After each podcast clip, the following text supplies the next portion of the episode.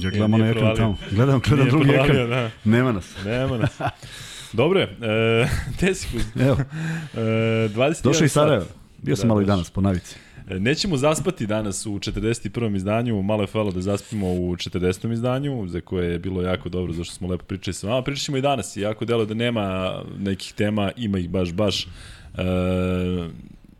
svašta se dešava, ovako, pojavljuju se neke vesti ko će da dođe, ko će da ode, počelo je svetsko prvenstvo u basketu, a ja i Vanja ćemo posle pričati o draftu koji predstoji naredne noći, u svakom slučaju e, biće prilike da, da mnogo razgovaramo i sa vama, i da, da nam postavljate što više pitanja. Vidim da ste se već uključili i da ima pitanja, ali ajde za početak Uzma da vidimo kako si ti, e, kakvi su utisci iz Sarajeva sada kad smo već ljudima rekli da Kad smo spomenuli Sarajevo već. Da, da moramo da, da zatvorimo priču. Kako je prošlo?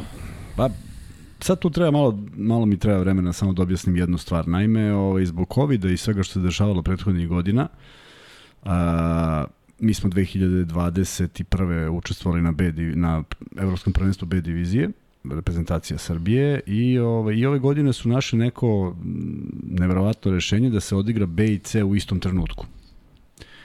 To je otprilike 16 reprezentacija, dve su otkazale, naime jedna je otkazala Švedska, Rusija je ovaj odustala, to jest eliminisali su. I sada Uh, negde želja uh, reprezentacije selektora Banjca i svih igrača je bila da se za, da se Srbija zadrži u B diviziji, međutim za to je uvek ona odgovorna na jedna utakmica koju smo imali protiv Slovenije, a Slovenija je zaista najjača reprezentacija koja se pojavila u toj C divizije, igraju već četiri godine zajedno, spremali su se za ovo prvenstvo posebno i posle 25-14 prvo polovreme jednostavno su ubacili na neki način. Stačnije mislim da su da smo mi loši odigrali to drugo polovreme, triumfovali i odmah je to značilo da mi ne možemo više da ostanemo u B diviziji. Primera radi, Grčka je bila u grupi sa Rusijom, Rusija je otkazala, Grčka je pobedila jednu utakmicu i kvalifikovala se kao drugoplasirana u grupi u, i nemaju nijednu pobedu nemaju nijednu pobedu posle toga i oni su faktički osmi, a Srbija je deveta i to je tako na svim tim takmičenjima koje nemaju mnogo smisla.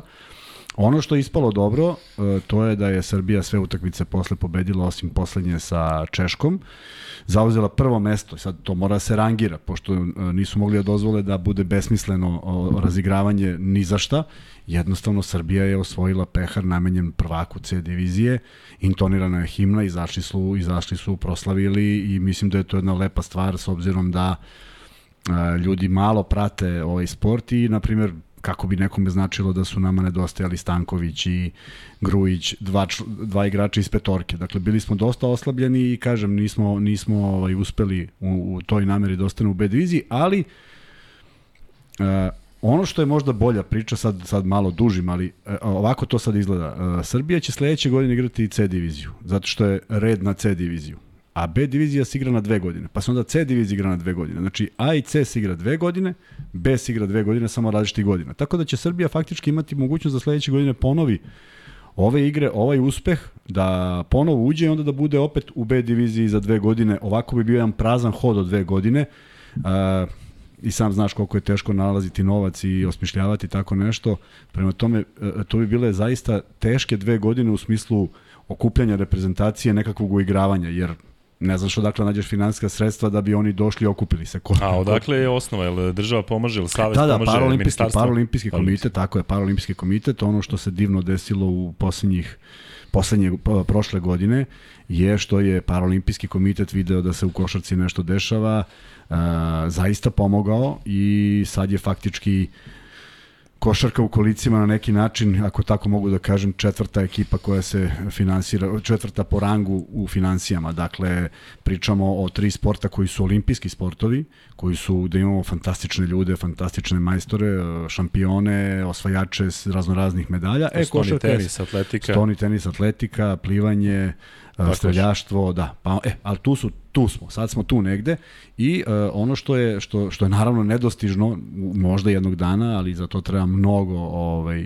stvari da se poklope, to su te neke olimpijske igre, paralimpijske igre na kojima je, učestvuje svega šest reprezentacija iz Evrope. Sad zamisli koliko je koliko je tu gužva da se neko uopšte pojavi tamo, ali A, divna vest je da, je da, da je to ipak zaživelo, da možemo da računamo na ta sredstva koja nisu mala i ovom prilikom se zaista i zahvaljujem ljudima iz Paralimpskog komiteta jer su stvarno prepoznali da ovaj sport donosi jednu posebnu draž.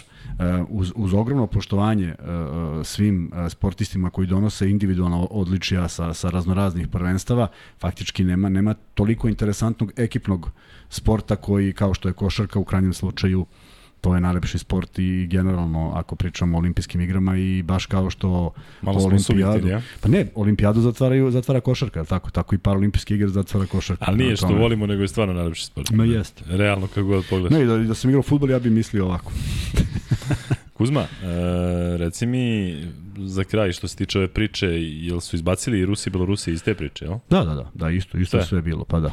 Uh, uslovi fantastični, sve je bilo nekako ovaj, kako treba, sem te jedne utakmice, ali o tome smo pričali, mislim da smo baš ovde spomenuli prošli put da, da je taj besmisao takmičenja i u, i u regularnoj košarci. Uh, Čanak je pričao o tome. Imaš, imaš e, grupu, grupnu fazu, pobediš sve utakmice i ukrštaš sa poslednjim iz druge grupe koji je, nema ni jednu pobedu. I to se nikad nije dešavalo. Kad neko nema ni jednu pobedu, završava takmičenje. Ne, ti ukrštaš sa njim i možda ti se desi loš dan ili bilo šta, šta god. A dešavalo se. Korona, vidiš da je opet krenula. I izgubiš tu utakmicu i opet pobediš sve do kraja i ti se vratiš kući sa 6-1 ili 7-1, ali si deveti. Da.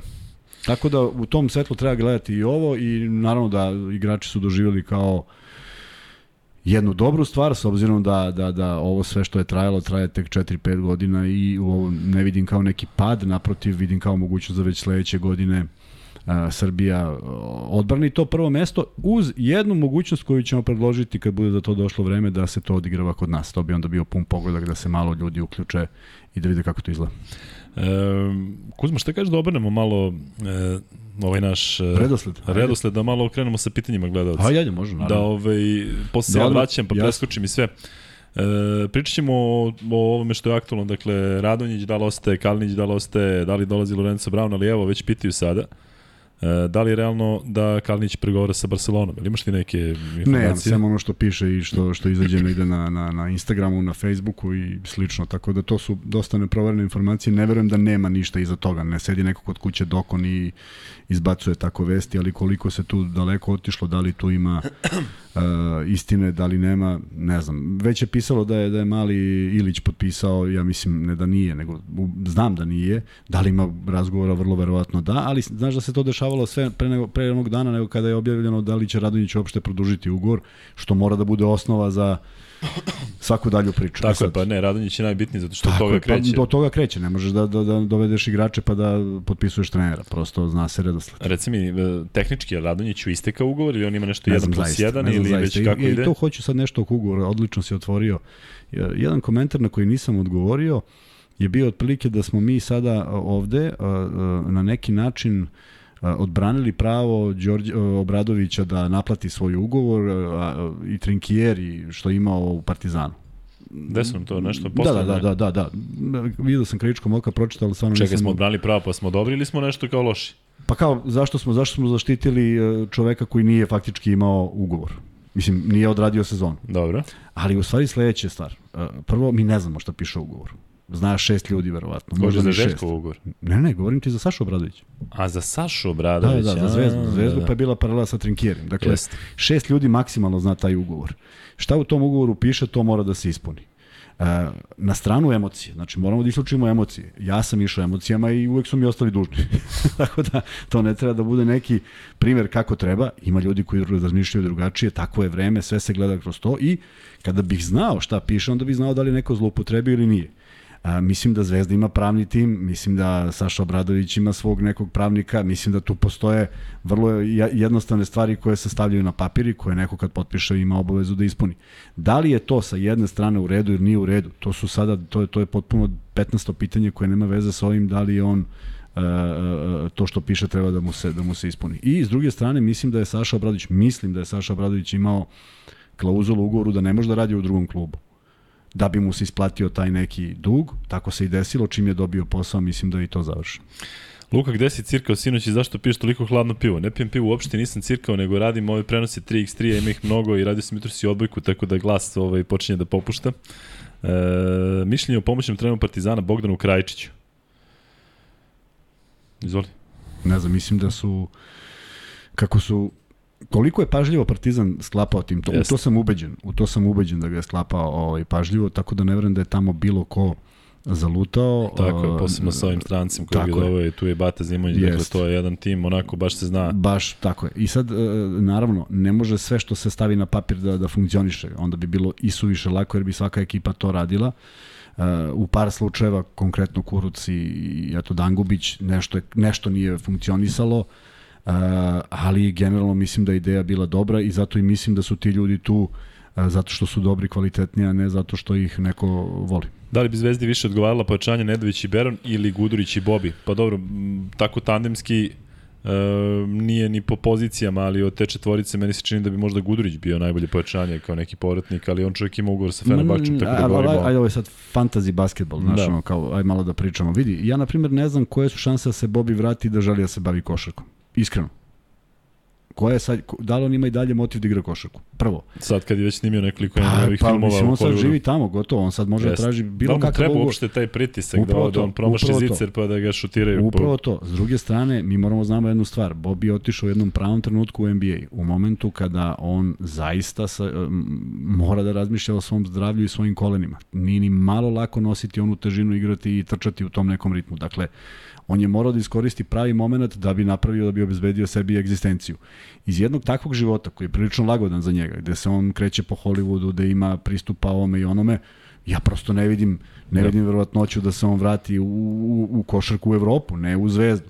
Iako mislim da i onda kada je igrao, da je igrao fenomenalno, da su se on i Cirbes uklopili fantastično, da je to Cirbesova najbolja sezona do one kad je postao prvi, prvi, prvi centar, kad je Bobi otišao. To su, dakle, Cirbes igrao kao backup jednu fantastičnu rolu da bi onda to preuzeo i e, eksploatisao u toj drugoj sezoni i onda veliki, aj sad prebacujem se na Cirbes, ali onda veliki promašaj, ne zato što je on bio čovjek koji nije koji je pogrešio u nekoj odluci. Odlazi u Makabi gde dolazi spoljna linija koja ne dodaje nikome, ni jedni drugima, a kamoli da, da spuste loptu ispod koša. Moraš, što kažeš, da uzmeš skok da bi dobio da, loptu. Da, da bi, e, i, onda, I onda se vidi kako to može da izgleda. E, sad mislim da je Bobi uz, uz velike simpatije koje imam prema njemu i mislim da je ovaj čovek koji se uvek je odazivao na sve moguće Jeste, pa evo ga na spisku ovde nije slučajno, absolut, sigurno se sa Pešićem čuo. Da, e, samo je samo je pitanje koliko je on u stanju i koliko to može da izdrži u, u nekoj sezoni i da li bi on želeo da ima uopšte takav pritisak. Znaš šta, mislim kada bi Bobi došao da bi on bio zvezdi ono što je ove sezone bio Cirbes. Otprilike taj neki odnos dakle da mislim uđe da, bilo da kvalitetnije, da, ali da, minutaža bi bila ta. Što ti kažeš i kolena, čovjek je već mator. Tako, pa, znaš, mnogo, mnogo je to teško. Ko, da je pre 20 godina igrao u Hemofarmu, tako da. Da, tako deluje. E...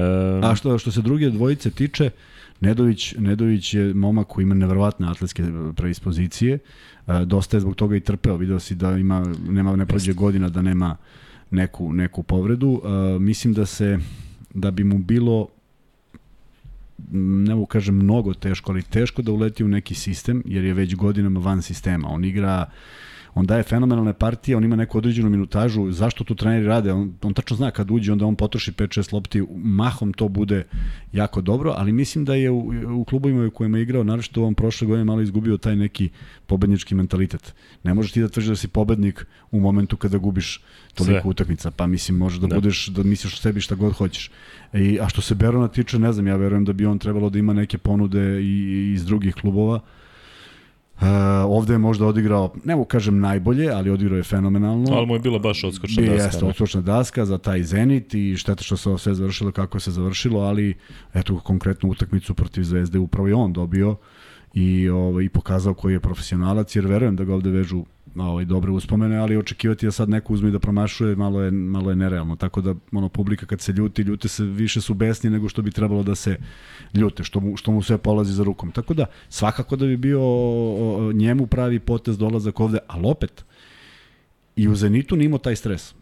I pitanje je da li u jednom klubu ima, ima, ima, ima, ima taj stres. On stvarno može da te nosi jedno vreme, ali negde, negde kažeš čekaj, ali zašto?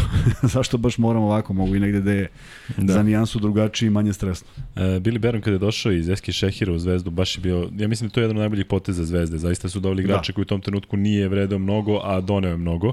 Uh, I on je beše bio dve sezone u Zvezdi, sad Da. mi se čini da, Da. da. Da, jeste.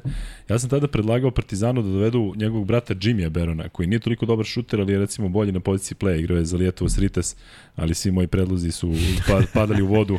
Ove, ali bi bilo interesantno, znaš da je, da je Billy Baron govori kako mu sviđa Beograda, ne znam šta. I zamisli imaš brata protiv brata, a nisi ga doveo zato što je brat, nego si ga doveo zato što je, što je koristan ekipi. I još nešto oko, Ajde. oko, oko, oko Bobija. Mi pamtimo Bobija kako igrao. Evo, jel si ga gledao ove sezone? Pa samo na momente i to Na u prvom momente. delu sezone. Da, upravo, upravo zato kažem, e, ne može neka uspomena na nekoga da garantuje da će on moći da bude prošle 4, 5, 6, 7 godina. Tako mi kad, kada, kada pogledamo nekog igrača koji bi da se vrati, mi se setimo kako je igrao. Pitanje je koliko on može na tom nivou. Ja, mislim da je Bobby ispao iz takmičarske košarke. U smislu da ti sad kažeš aj sad, a on kaže e važi nisam dugo, ali sad ću ja to. Opet treba prođe neki period. Uh, a, Ali izvini, vidiš kako se recimo Kalinić rehabilitovao. Kalinić recimo da je posle one sezone u Valenciji, ne mogu da kažem da je bio neprijatan, ali njemu Zvezda sada opet dala neku snagu. Kako? Naravno, na, naravno, ali vidi, e, on je, on je, on je čovek koji e, prvo ima drugačije telo, Da, da, da. naravno. mlađi je.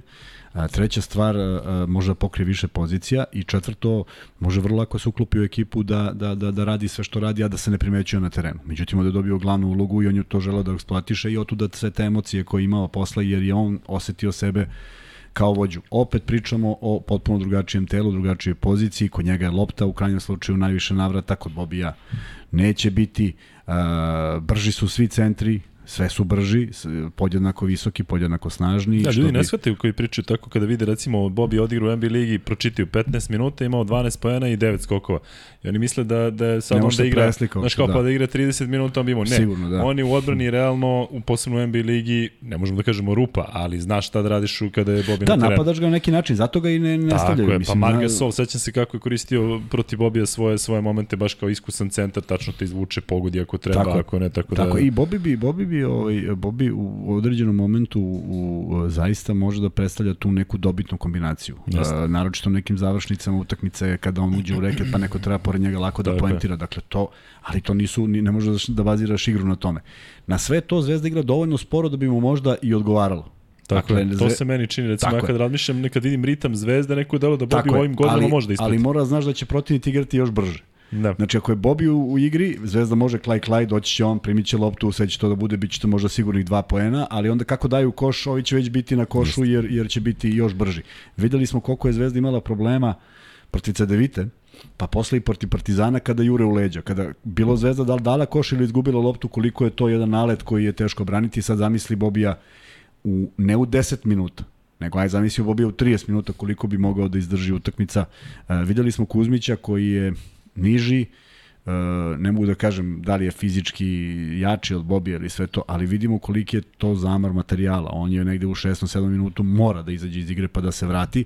Velike su to poluge, ne može gore dole, ne može sa zahtevima koje trener ima, e, iskoči, vrati, onda mora podradiš odbranu u jednoj, u jednoj košarci koja sve više liči na, na NBA i šutiranje trojki, gde si onda ranjiv, vrlo ranjiv.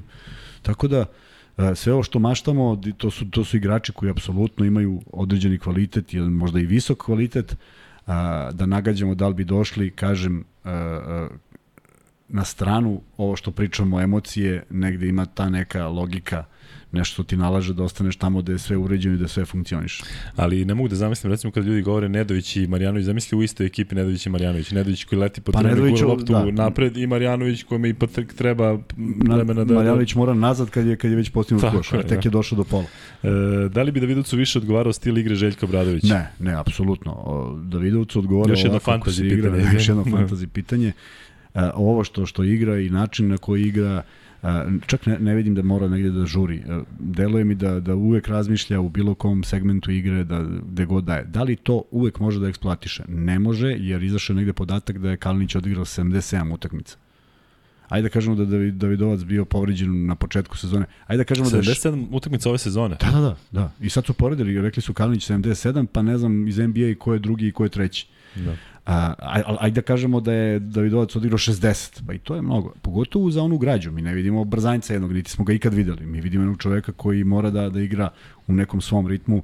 A, Radonjić je to prepoznao, Davidovcu je to prijalo i negde se našla našla ta, ta, jedna, ta, jedan, ta jedna hemija gde je Zvezda igrala dovoljno sporo, koristila ponekada, mada je žalosno što je White povređen na početku sezone. Zvezda bi mo mnogo više koristila kontrnapad da je on bio ono što je bio u ekipama u kojima je igrao. Ovako su morali dodatno da uspore jer je faktički svega dva, tri igrača mogu da povuku kontru i da si siguran da su to da su to poeni. Wolters je apsolutno kontrolisao igru, sve je to nekako delovalo tako da je to način na koji Zvezda može da igra i ne postoji drugi. Ne mogu oni časkom da promene i ne mogu da krenu u tranziciju, aj sad kao mi nećemo više ovako. Prosto ne, ne odgovara im to. Šta Isto kao što, izvini, što kad su ulazili u, u duele sa, sa ekipama koji igraju tranziciju, uspevali su da dobiju, jer, jer su te ekipe tražile tranziciju. Kad ti to malo umrtviš, onda bude problem. E, kada se malo sada sve sleglo, ne govorim zbog zvezdine triple kruna, ali nekako kada razmišljam o ovoj sezoni, iz ovog ugla neko mislim da je ubedljivo najbolja od kada pratimo Zvezdu u Euroligi zato što mi se čini da prvi put nisu zavisili od stranaca. Dakle, znamo da je White bio povređen, da. znamo da je Hollins bio problemu da i Walters bio tu. I sada da razmišljaš da Zvezdi umru sve, uzmu sve strance, ne, ne gledam Ivanovića kao strance, ne gledam, naravno, ne gledam ni Cirbesa, ne gledam kao stranca, naravno ali, e, znaš, zamisli kako bi bilo pre nekoliko sezona da ne igra Lloyd, da ne igra Brown, da ne igra Baron, da ne igraju ti igrači koji su dovedeni da bi bili lideri. Ali došao je Kalinić, došao je Kalinić. Pa to je najbolje, zato govorim da su ovo bolje opcije, da je uvijek bolji Gudurić nego Baron. Uopšte ne govorim sada o poziciji stoji, na kojoj su. Stoji sve to i bilo bi divno da postoji e, malo više, da se obrati pažnja na neki igrače koji nisu toliko bili u, u žiži, koji su dovoljno dobri, igraju u inostranstvu, možda oni da se vrate, e sad to je ono, da li ima vremena da oni sada se tu adaptiraju. Evo, ajde da pričamo o jednom, o jednom Novajli o kojem svi pričaju, Dalibor Ilić prvo dečko kojeg sam upoznao i insistirao na neki način da, da dođe u reprezentaciju da bismo mu obezbedili pasoš. Znaš kako to funkcioniše? On je iz Republike Srpske. A on ne može da pređe ni jedan klub u momentu malolet, dok je maloletan. Ako bi prešao, on mora da potpiše da igra za Bosnu i Hercegovinu. Pošto nije želeo da igra za Bosnu i Hercegovinu, jedna od strategije je bila da ne izgubimo takav, takav talent, je bila da on bude deo reprezentacije. Čim je on postao deo reprezentacije dobije pasoš, onda on više nema obavezu da vodi računa gde prelazi, ne prelazi, potpuno je sve završeno jer je e, državljanin Srbije. Dakle, dečko koji je a, pokazivao te neke mm, vrlo interesantne poteze ideje u jednom momentu kada on dolazi ipak iz, iz manje sredine i upada u jednu reprezentaciju gde verovatno ima neki odnos prema tada igračima iz njegove generacije Pecarskom, Petruševim, koji su ipak bili... Govorimo, to je 9-9, jel? Da, I ovaj, međutim, apsolutno se videlo njegova građa, njegova košarkaška inteligencija, to je odmah pokazivalo, samo je bilo pitanje a, koliko brzo će se razviti i Gokeja, ono što od uvek tvrdim i, i znaju ljudi koje, koje sam posetio, a obišao sam zaista mnogo, mnogo gradova u Srbiji dok sam bio u Savezu, Uh, uvek sam insistirao da to dete ne ide iz svoje sredine. Uh, nailazili smo na bojkot roditelja koji kažu vi hoćete da ga uzmete. Ne, ne, ne, naprotiv, ja ne želim, ja, ja sam posljednji koji želi da on pređe negde. On treba da se razvije u svojoj sredini jer će u toj sredini najbolje da se razvije. Naravno, ne da ga neko... A dok li misliš da je otprilike taj period kada bi trebalo da ide korak samo, dalje? Samo da stasa, samo da ga nauče nešto, samo da, da se ostvari. Dakle, aj, aj sad pričamo kao kasno je 19 godina. Pa koji nam igrač igra sa 19 godina? Znači, da. možda nije kasno ni 21 ako ćemo tako. Samo je pitanje kako, kako taj, ta, to da bude što bezbolnije. Mnogo dece koji dođe u Beograd iz manje sredine se izgubi. Izgubi se jer ih, jer ih proguta grad. Nije, nije, nije Beograd vlak za život. Ove, ovaj, mnogo izazova, mnogo svega, neke stvari koje nisi doživeo možda u manjem mestu, prema tome a, a, veliki su problemi kad igrač dođe. I ja sam insistirao da se on razvija i pričao o tome da, da, da zaista nema razloga, ako on igra ok, a ako tamo ne dobije šansu, to tek nema nikakve logike. Da. I dobio je šansu, odigrao je par zaista dobrih sezona, par vrhunskih utakmica. E, sad, ako je on taj, ja sam potpuno za, ali sad svi moraju da znaju da mora prođe vreme, period adaptacije. Kao što je uh, Pippen došao u Chicago, pa više vremena proveo na parketu u sudaru sa Detroitom, nego što je igrao, a onda sledeće godine bio ono što što smo što smo gledali od njega, tako će i Dalibor Ilić izaći na jedan novi košarkaški nivo, koji neće ni, ko, s kojim se nije susretao. Susretao se kad igra protiv Zvezde, protiv Partizana i još par klubova. Tako da će, a to mora postane ritam. Tako da, e, e, što pre se te neke stvari dese, sad ja treba kažem što pre krenu pripreme. Sezona se još nije završila. Verovatno. Sad će, ako već nisu krenule, ja mislim strašno, večeras. Strašno, da. Dakle, ali što se pre adaptira, što pre krene u te da. utakmice, bit će mu lakše i A znamo gde je on sada, koji je njegov status? Ne, ne znam, ja sam ono što sam Ne, vidim da ga često pominju kao neku opciju koja je prilično sigurna. Ne, ne, ne znam ništa. Ne znamo ništa konkretno. Sada da. isto smo u fantasy modu. Da. E, Kuzma, gde je NBA dres? Pita Veljko Tončić, jesi obećavao nekom nešto neki? Ili, ili neki fali ovde NBA dres nama? Koji NBA? Samo pite koji. Veljko, pošalji nam koji NBA dres. Kad će Kuzma bući dres Partizana u studiju? Pa nemam, pa, ja nemam, ja bih ga obuku. pošaljite dres Partizana pa da vidimo da li će da uvuče. E, Luka, koje su nam šanse u basketu? Gledao sam one dve tvrde, nismo ništa blistali na guzove, što bi rekao pokojni Živa Bard. Da, jeste, one prve dve su bile loše pre dva dana, ali danas smo bili mnogo bolji protiv e, Brazila fenomenalni, protiv Francuske takođe dobri, imamo 4-0. Treba e, onako sa zadrškom ispratiti ove momke zato što su Branković i Stojačić su novi, uvek se očekuje zlato, ja kažem uvek ne postoji sport uh, u kojem je Srbija bila i ole dominantna kao što je to basket, imamo četiri zlata sa šest ukupno svetskih prvenstva, imamo tri zlata na posljednja tri evropska prvenstva. I imamo tu bronzu sa olimpijskih igara za koji mnogi misle da je da je onako da je moglo mnogo bolje. E, tako da ne treba da se razočaramo ako ne uzmu zlato, ima jako dobrih ekipa, letonci kidaju. Juče sam ih komentarisao u oba meča ili u jednom meču protiv Kine i zaista momci lete po terenu. E, u svakom slučaju mislim da je realno da da dođemo do, do polufinala, s tim što, opet kažem, sutra recimo Letonija i Holandija igraju, a mi treba da ukrštamo u četvrt finalu sa C2, B3, a C2 može da bude, dakle, ili Letonija i Holandija koji izgubi sutra. Holandjani su odlični, imaju u svom štabu Maksima Kovačevića koji je naš momak e, igrao za Liman, tamo on njih koordinira i igra inače za Amsterdam, tako da kogod da, da dođe u četvrt finalu, biće, biće prilično, prilično napeto, tako da E, pratimo naravno sve na sport klubu do nedelje, pratimo i onaj Big 3, pratimo sutra i turnir u Osijeku, tako da basketa će biti mnogo. Kuzma, ti uživaš u tim prenosima? Naravno, pratim sve. Ja, ja sklonim sliku, samo slušam kako ti prenosiš. Tako. Ovo, slušaj, što se tiče... Da se ti žališ... E, što se tiče guzova i ovaj, pobede na guzove, vidi, e, kada pobediš utakmicu, a igrao si loše, to znači da nije sve bilo loše. To znači da si je zaslužio da moraš da ispraviš neke greške. E, bilo je utakmica koje si dobio na sreću. Zaista na sreću, ničim izazvano, prosto loša igra protivnika. A bilo je utakmica gde si, gde si bio loš, ali si odradio e, dobre stvari. I obožavao sam te analize utakmica, kažem uvek, ne mogu sada da kažem da je Darko Russo bio jedini, dakle to je plejada trenera u tom periodu kada se zaista vodilo računa i kada je to trajalo Uh, mnogo je trajalo, ako, ako me pitaš sa ovog aspekta koliko traje analiza, to trošili smo trening na analizu da bi se znalo da bi se, ne, da bi se neke stvari predupredile i onda znaš da kad si pobedio pola koša, pa nije sve valjalo. Zašto si pobedio pola, što nije šest, pa da kažeš miran sam. Tako da volim, volim ovaj, e, kada, se, kada se izvuče sve što je bilo na utakmici, a kada se pobedi na guzuje, znači da si ipak nešto dobro radio. Nije to baš palo tek tako. Prema tome, svaka, sva podrška i kad se igra malo manje strasti, evo ja ja gledam Đokovića pa čujem komentare kad on izgubi neki meč, pa onda ma ne, ma ne vredi više. Znaš, sve je sve kraj sveta. Sačekajmo ljudi malo, ovaj, naročito u košaci gde a, pogledaj koliko tih ekipa je počela da se bavi a, 3 na 3. Uh, shvatili su da, da, da je to zabava, shvatili su da im to prija, shvatili su da mogu. Shvatili su da donosi novac. I donosi to sad stvarno FIBA je počela ozbiljno da ulaže u to, ne počela, nego već da, jako već dugo. Neko vreme. E. I sad ima oni koji računaju da li mi isplativije da igram košarkašku sezonu ili da igram basket. To je, da, to je ozbiljan problem zato što moguće, ne moguće, nego sigurno da je u dobrom delu ovaj, to zaista interesantnije. I e, neka moja iskustva, e, nekako mi je žao s jedne strane, sad ću ti reći šta, e, kada smo bili u Savezu, Igor Kočević i ja, dobili smo faktički sve reprezentativne selekcije osim, osim uh, uh, 3 na 3. I ne znam zašto se to desilo. Jednostavno, jednostavno su nas sklonili odatle.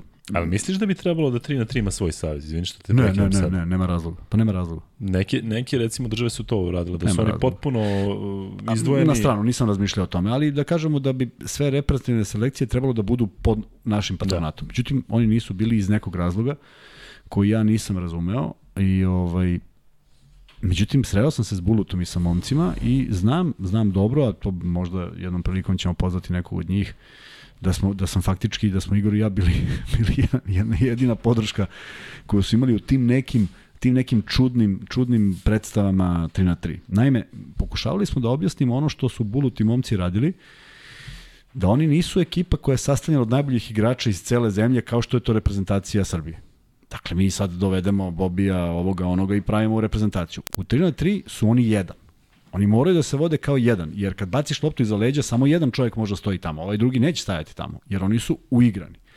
I pokušavali smo da objasnimo u Savezu da, da, da ne možemo da ih vodimo kao četiri igrača, nego kao jednog. To što se zovu, znači oni su ekipa i ako izvadiš jedan šaf i dodaš tri puta boljeg igrača, nećeš dobiti Tako je. apsolutno ništa.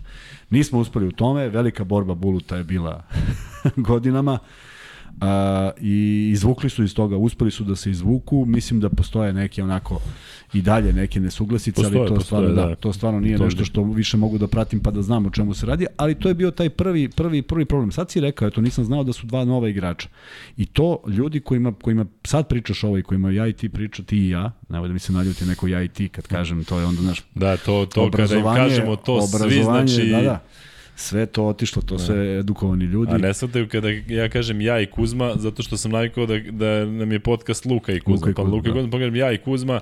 Mislim, Nema da, veze. ajde. Ali ovo da budemo korektni i ovaj to sve što pričamo je da bi ljudi shvatili da ta dva nova igrača koliko god dobri bili su dva nova igrača. Ali izvini, oni igraju zajedno u ekipi, dakle u tom ubu igraju trojica od četvorice, dakle nisu nepoznati da su došli sa strane, ipak su nekako isprepletani. Dobro, je, sva sreća, nego hoću da. da kažem da može da se desi i kontra i da dobijemo Tako četiri najbolja imena koja postoje, ali da nisu da nisu tandem, da nisu kvartet u stvari. Prema tome, ovaj biti biti podržavati jer ne mogu ne mogu nikada i nijedan sport nisam gledao da sam da, da ne navijam za, za naše momke uh, uh, koji god sport je u pitanju, šta god je u pitanju, to je nenormalno odricanje.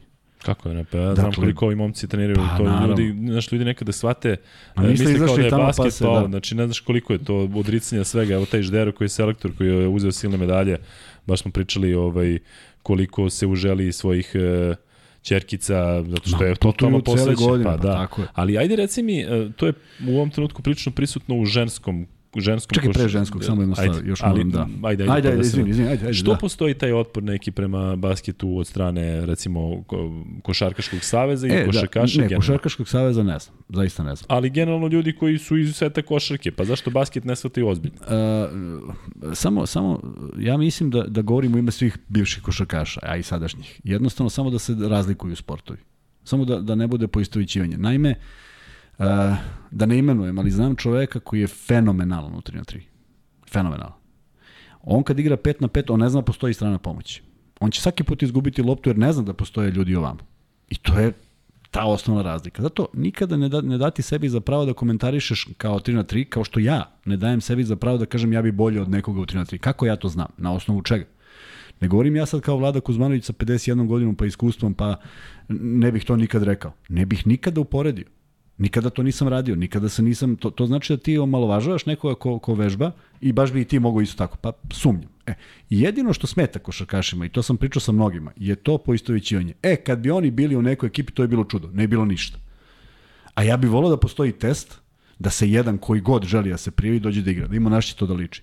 Da ima u odbrani šta bi radio. U 1 na 1, u prljavoj odbrani koja se igra, pa ajde odigraj tako. da imamo kako će Da. da izgleda. A za ne bi onda trebalo kad kaže da su različiti sportovi da postoje dva Pa različita može, da, saveza? pa vidi, zato što, zato što je, znaš, ista je lopta i isto se ubacuje Da. u koš. I ako negde ima sluha, možeš ga staviš u Tako jednu je. baraku i ono će da funkcioniše. Ne mora da ima neki, neki težak smisao.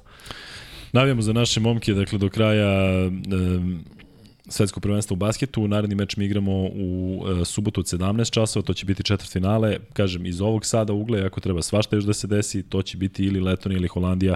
Obe ekipe su jako dobre. Holandjani tamo u Antwerpenu igraju kao da su kod kuće, pošto je na granici sa Belgijom.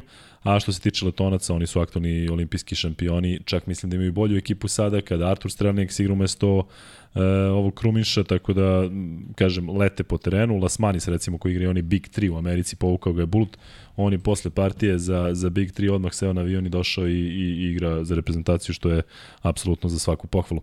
E, Vanja, da jednu uključimo... ima još jednu stvar, izvini, molim te. Kao dubl, kao tenis u, u dubl u tenisu. Ne menja se Žika i Mika svaki put, nego postoje dva čoveka koji izlaze na teren. Miks postoje ljudi koji su zajedno i oni, i oni donose rezultat. Isto to, baš ti dao dobro poređenje. Uvijek kažu kao kako ovaj najbolji dubl na svetu, a ne može da igra single. e, Zašto to je potpuno drugačije tako je, i taktički tako je, ti, sve. Tak, e, upravo to. A ne biraš nekoga. Ima, ima onih momenata kada Đoković odigra s nekim dubl da bi, Jest. da bi ostao u formi, ali nisu pobeđivali. Ali baš zato što je najbolji na svetu, pa on može i te neke On man, može da, tako. ali ne pobeđuje u tome. Jeste. Iako bi po logici stvari šta trebalo da pobeđuje. Pa nije, drugačije su pravila, postavljanje je drugačije, Jeste. mora postoji neka taktika, strategija da Što se zna gde ide lopta. trening i sve posvećeno Sve samo je tome. drugačije, dakle, tako da ovi ljudi Samo, samo ne želim poistovićivanje sa košarkom zato što su to zaista dva različita sporta. E, Vanja, da te uključimo sada, naravno pričat ćemo o draftu kasnije, ovo pitanje je onako e, možda najbliže tebi. Po vašem mišljenju, ko bi pobedio u basketu 1-1 između Irvinga i Vase? Kyrie Irvinga. Kyrie Irving, da, da. Pa Kyrie Irving je jedan od naj veštijih igrača ikada Kyrie bi pobedio. Mislim, ja mislim da ne postoji neko ko bi pobedio Kyrie Irving. Dakle, sećaš se ono kad je prozivao Kobe, kad je baš i Kobe bio pa, jedino, onako, mislim, 2012. Ove, Stvarno po veštini Kyrie je top 5, to ne, ne može se poredi. Tako je, ja, meni je žao što, što mu ne ide u posljednje vreme, ajde kada si već tu i kada pominju Karija, da li veruješ i da li misliš da bi bilo dobro da se on i LeBron spoje sada u, u Lakersima? Nema sila da će to desiti. Pa nije Kyrie klub, šta bi trebalo da, da se 30 miliona da se odrekne da bi igrao s LeBronom. Dobro, ali vidiš da je on poseban, tako da ako Jeste, neko hoće da, da ide tom linijom... Izgubio da, si 17 miliona prošle godine. Jeste, da pa znači gde je 17, tu i 30, da je, da je 47. Ne verujem, mislim da je ovo samo da. dim, da neće biti, da će ostati u Brooklynu. Da. E, da se vratimo samo kratko na Bobby, odgledajte trailer za Hustle, zato što je početak trailera fenomenalan, dakle komedija gde Adam Sandler trener i traži igrače, Juancho Hernan Gomez je, mislim da je Juancho od one dvojice braća Hernan Gomez, oni glavni glumac i baš onako simpatičan film. Ako imate Netflix, možete da gledate, mislim da je izbačen već 6. ili tako nekog juna. E, idemo dalje. Da li bi se bolje snašli košarkaši u basketu 3x3 ili basketaši u košarci, mislim da si odgovorio, ali sve jedno je bilo bi, Bilo bi teško jednima i drugima, znaš, zato što, tako zato što ovaj, e, kad pričamo o nekoj tehnici košarkaškoj koju košarkaši posjeduju, mislim ja prosto ispod koša kad bi, kad bi tri čoveka s kojima sam ja igrao zauzeli poziciju, pa, ali nema te brzine reakcije, on bi morao da, da reaguje čim da koš. Dakle, tu ga hvataš na, na tu foru. Zato kažem, dva različita pristupa treningu. E, mi kad pogledamo fizionomije igrača, ima tamo neko ko se odvaja kao centar, a neko je kao bek. Ima, ali igraju ljudi sa 188 pa, igraju centra. Tako je, to kažem. Tako dakle, to u košaci još uvek ne može, ali ovde je bitna brzina, ovde je bitno da se svašta nešto izdešava, da, da, da reaguješ brzo, da lopta izleti u a, pravom trenutku, da... A, Ajde, Čiko, tvori se. Pa ne mogu, dao si mi toplu. Ove, ovaj, šta kažeš za basket i za ovaj, ode Kuzma iz kadra. E, kratko što se tiče što se tiče dakle to basketaša u košaci i košakaša u basketu stvarno je potpuno drugačije. Ja znam da basket deluje svima vama ma to bi ja sa dvojicama iz kraja, vidi kako promašuje sve. E, mnogo je mnogo je drugačije, dakle igra se u potpuno drugačijem ritmu. Meni je čak doktor jedan pričao koliko je tu u stvari impuls srčani drugačiji u jednom sportu i u drugom sportu, gde je ovde non stop si ti u, u stresu tih 10 minuta dok u košaci traje mnogo duže, pa je teže sa te strane, dakle kažem, ne, ne, jedino što je u stvari isto je što treba da daš, da daš koš.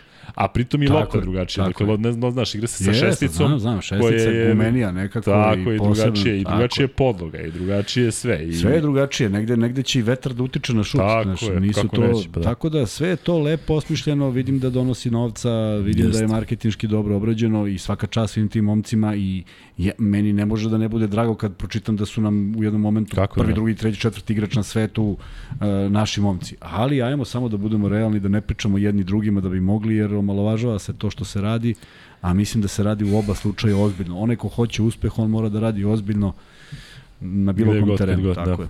Šta mislite o potencijalnim pojačanjima Partizana, Nanali i Vona Makera? Pre nego što odgovoriš Kuzma, mislim da, da je to ono čemu smo pričali, dakle, kogod je sa Obradovićem radio i kogod je bio u Fenerbahčevu, mislim da ga sada vezuju za da, Partizan. Da, pa naravno. I to je logično. I, I logično je zato što su ostvarili gde god je bio taj pristup koji ima. A, Zato mi je čudno šta se desilo s Kurucom i šta se desilo s Dangubićem. Zato što, ne, ja ne mogu kažem da su oni krivi po, po logici stvari, oni su nešto zabrljali, ali e, e, zaista mislim da ima puno strpljenja i puno jednog dobrog pristupa koji stvarno treba da ili zloupotrebiš ili da ne razumeš apsolutno šta se dešava i mislim da se to na neki način desilo da je, da, da, da je ovaj, nije bilo reakcije kakve, kakav je, kako je Obradović očekivao, međutim, e, potpuno, već smo svedoci mnogo puta da, da su ljudi izjavljivali kako bi išli s njim gde god. Tako da, on će, on će sigurno na svoj rating, na svoje ime i na svoje znanje da privuče potencijalna pojačanja, to treba uklopiti, prvo treba se to ostvari, dakle, to sigurno nisi ugovori koji su mali, a, treba izvagati budžet, treba vidjeti šta sve treba, tako da dobra, ozbiljna rekonstrukcija je na pomolu, naravno vidjet ćemo koliko Partizan bude imao sredstava, vidjet ćemo koliko Zvezda ima sredstava, vidjet ćemo ko u Zvezdi ostaje, evo sad piše da je Holland Sport produžio ugovor, što Evo, je jedna dobra stvar. piše i da. ovde Joza, Joza javlja. Ali opet mislim da da je sve to nezvanično zato što se prvo ipak čeka Radonjić, al tako? Mislim da da je to trenutno i prioritet i da bi trebalo da se bi trebalo bude glavna stvar, da. Evo, pitaju, a znaš šta je, izgleda da se dopada gledalcima, rokaju se pitanje non stop, a manje više ono o čemu bismo mi pričali, samo idemo malo gore, dole, pa Slobodno. šetamo basket Naravno. i sve. Šta mislite o povratku Stefana Jovića u Zvezdu? Stefan Jović je jedan izuzetan momak, uh, možda jedini iz Niša, ako onako mogu jest, da vratim film. Jeste, od tih jačih jedini, da. Tako je. Uh, izuzetno fin, vaspitan, porodičan čovek uh, koji ima peh sa, pro, sa, sa povredama. Zato što se nikad nije štedeo, zato što je uh, radio one prljave poslove negde u svojoj fazi nekog, nekog razvoja možda nije eksploatisao dovoljno šut, jako čudan način šuta za, za playmakera, međutim da. njegova imaginacija i kreacija koje su dolazile do izražaja dok je igrao u Zvezdi pa i gde god je igrao, uh, su i u reprezentaciji naročito, pošto je on bio faktički neko koji je, koji je uh, Oni Marković na kecu, a Teodosić faktički igra dva da bi što manje driblinga potrošio da bi bio što opasniji. Sve je to ovaj, Đorđević tako i smislio i tako izgledalo, međutim zaista dugi niz godina uh, vuče povredu. Aj sam mu kažem godina, ali godinu dana sigurno, jer on se vratio u Panathinaikos. Za mene je bilo čudo da su ga potpisali iz prostog Jest. razloga što, što sam znao da je povređen i nije se ništa naročito desilo. Tako da, uh, ne bih volao da Zvezda napravi grešku sa idejom da je to ona Jović od pre x godina. Jer nije. Ne zato što je on lošiji, nego zato što je stari i zato što je povređen. Da. A meni sve simpatije prema njemu. Evo, kada već govoriš o simpatijama, 2012. godine... Javila se neka simpatija. Ne, evo ja ću da ti ispričam anegdotu. Um, Stefan Jović, ne anegdotu, nego priču. Stefan Jović je, um, ja sam prestao da igram recimo sa 27-28 sam već digao ruke kad sam se vratio iz Amerike i probao malo ovde i onda uh, period uh, zovu te da igraš sve. Dakle, igraš i neki turnire ovako i basket i sve. Ja mislim da sam odigrao na Kvarnjaka za jedno 10 različitih o, ovih univerziteta, kao ajde igraš za pravni fakultet, za ovaj, za onaj, samo, samo da se igra. Bio na medicinijadi, igrao za sve, čak su mi falsifikovali neki indeks. E, elem, igrali smo, ja mislim da sam igrao tad za pravni fakultet, igrali smo na, na Košetnjaku, I čak nas je došlo petorica, onako jedna ok ekipica, dobri momci, ali, ali nekako smo došli do finala tog turnira. Igrali smo protiv fakulteta gde je Stefan Jović, e, gde su sve igrači iz prve lige. E, I ubili su nas 30 razlike, pritom se igra nešto dva puta 15 prljava ali recimo od naših 30 pojena mislim da sam dao 25. I sad, znaš, pozdariš se sa svima i sad ja izlazim, izgubili smo finale sve i trči Stefan Jović do mene, koji je tad već bio kod mute, dakle, bio je, znaš, da, nije neko, da. I e, dolazi kaže, brate, ovo je ekstra, svaka čast. Pa sad se on raspituje kao kako, Ko šta, ti, da. gde. Stefan Jović koji je tada bio ljudina, i siguran sam da se nije promenio do nije sada sigurno, kada da. je kada je on ima taj ajde da kažem južnjački taj onako prosta duša, dobar, razumeš čovjek i, i mislim da se nije promenio uopšte. I mislim da bi se te strane značio Zvezdi, ali ne verujem da bi ni on bio na onom nivou kada je bio najbolji asistent. Tako je, tako je. Rekao Pitanje da li bi da, mogu da igra tako. Zbog povrede i zato što je realno potpuno drugačija ja, situacija. A vidiš, kad, kad si spomenuo Mutu i Kragujevac, ja mislim da je to sve poteklo, možda ću pogrešiti, ali mislim da je poteklo od Bojana Kusmuka. Bojan Kusmuk i ja smo igrali zajedno kod Mute i uh, Kusmuk je igrao čak i godinu dana pre u Beočinu kad se zvao Elkon, kad je Muta došao, tako da su zadržali jedan dobar odnos.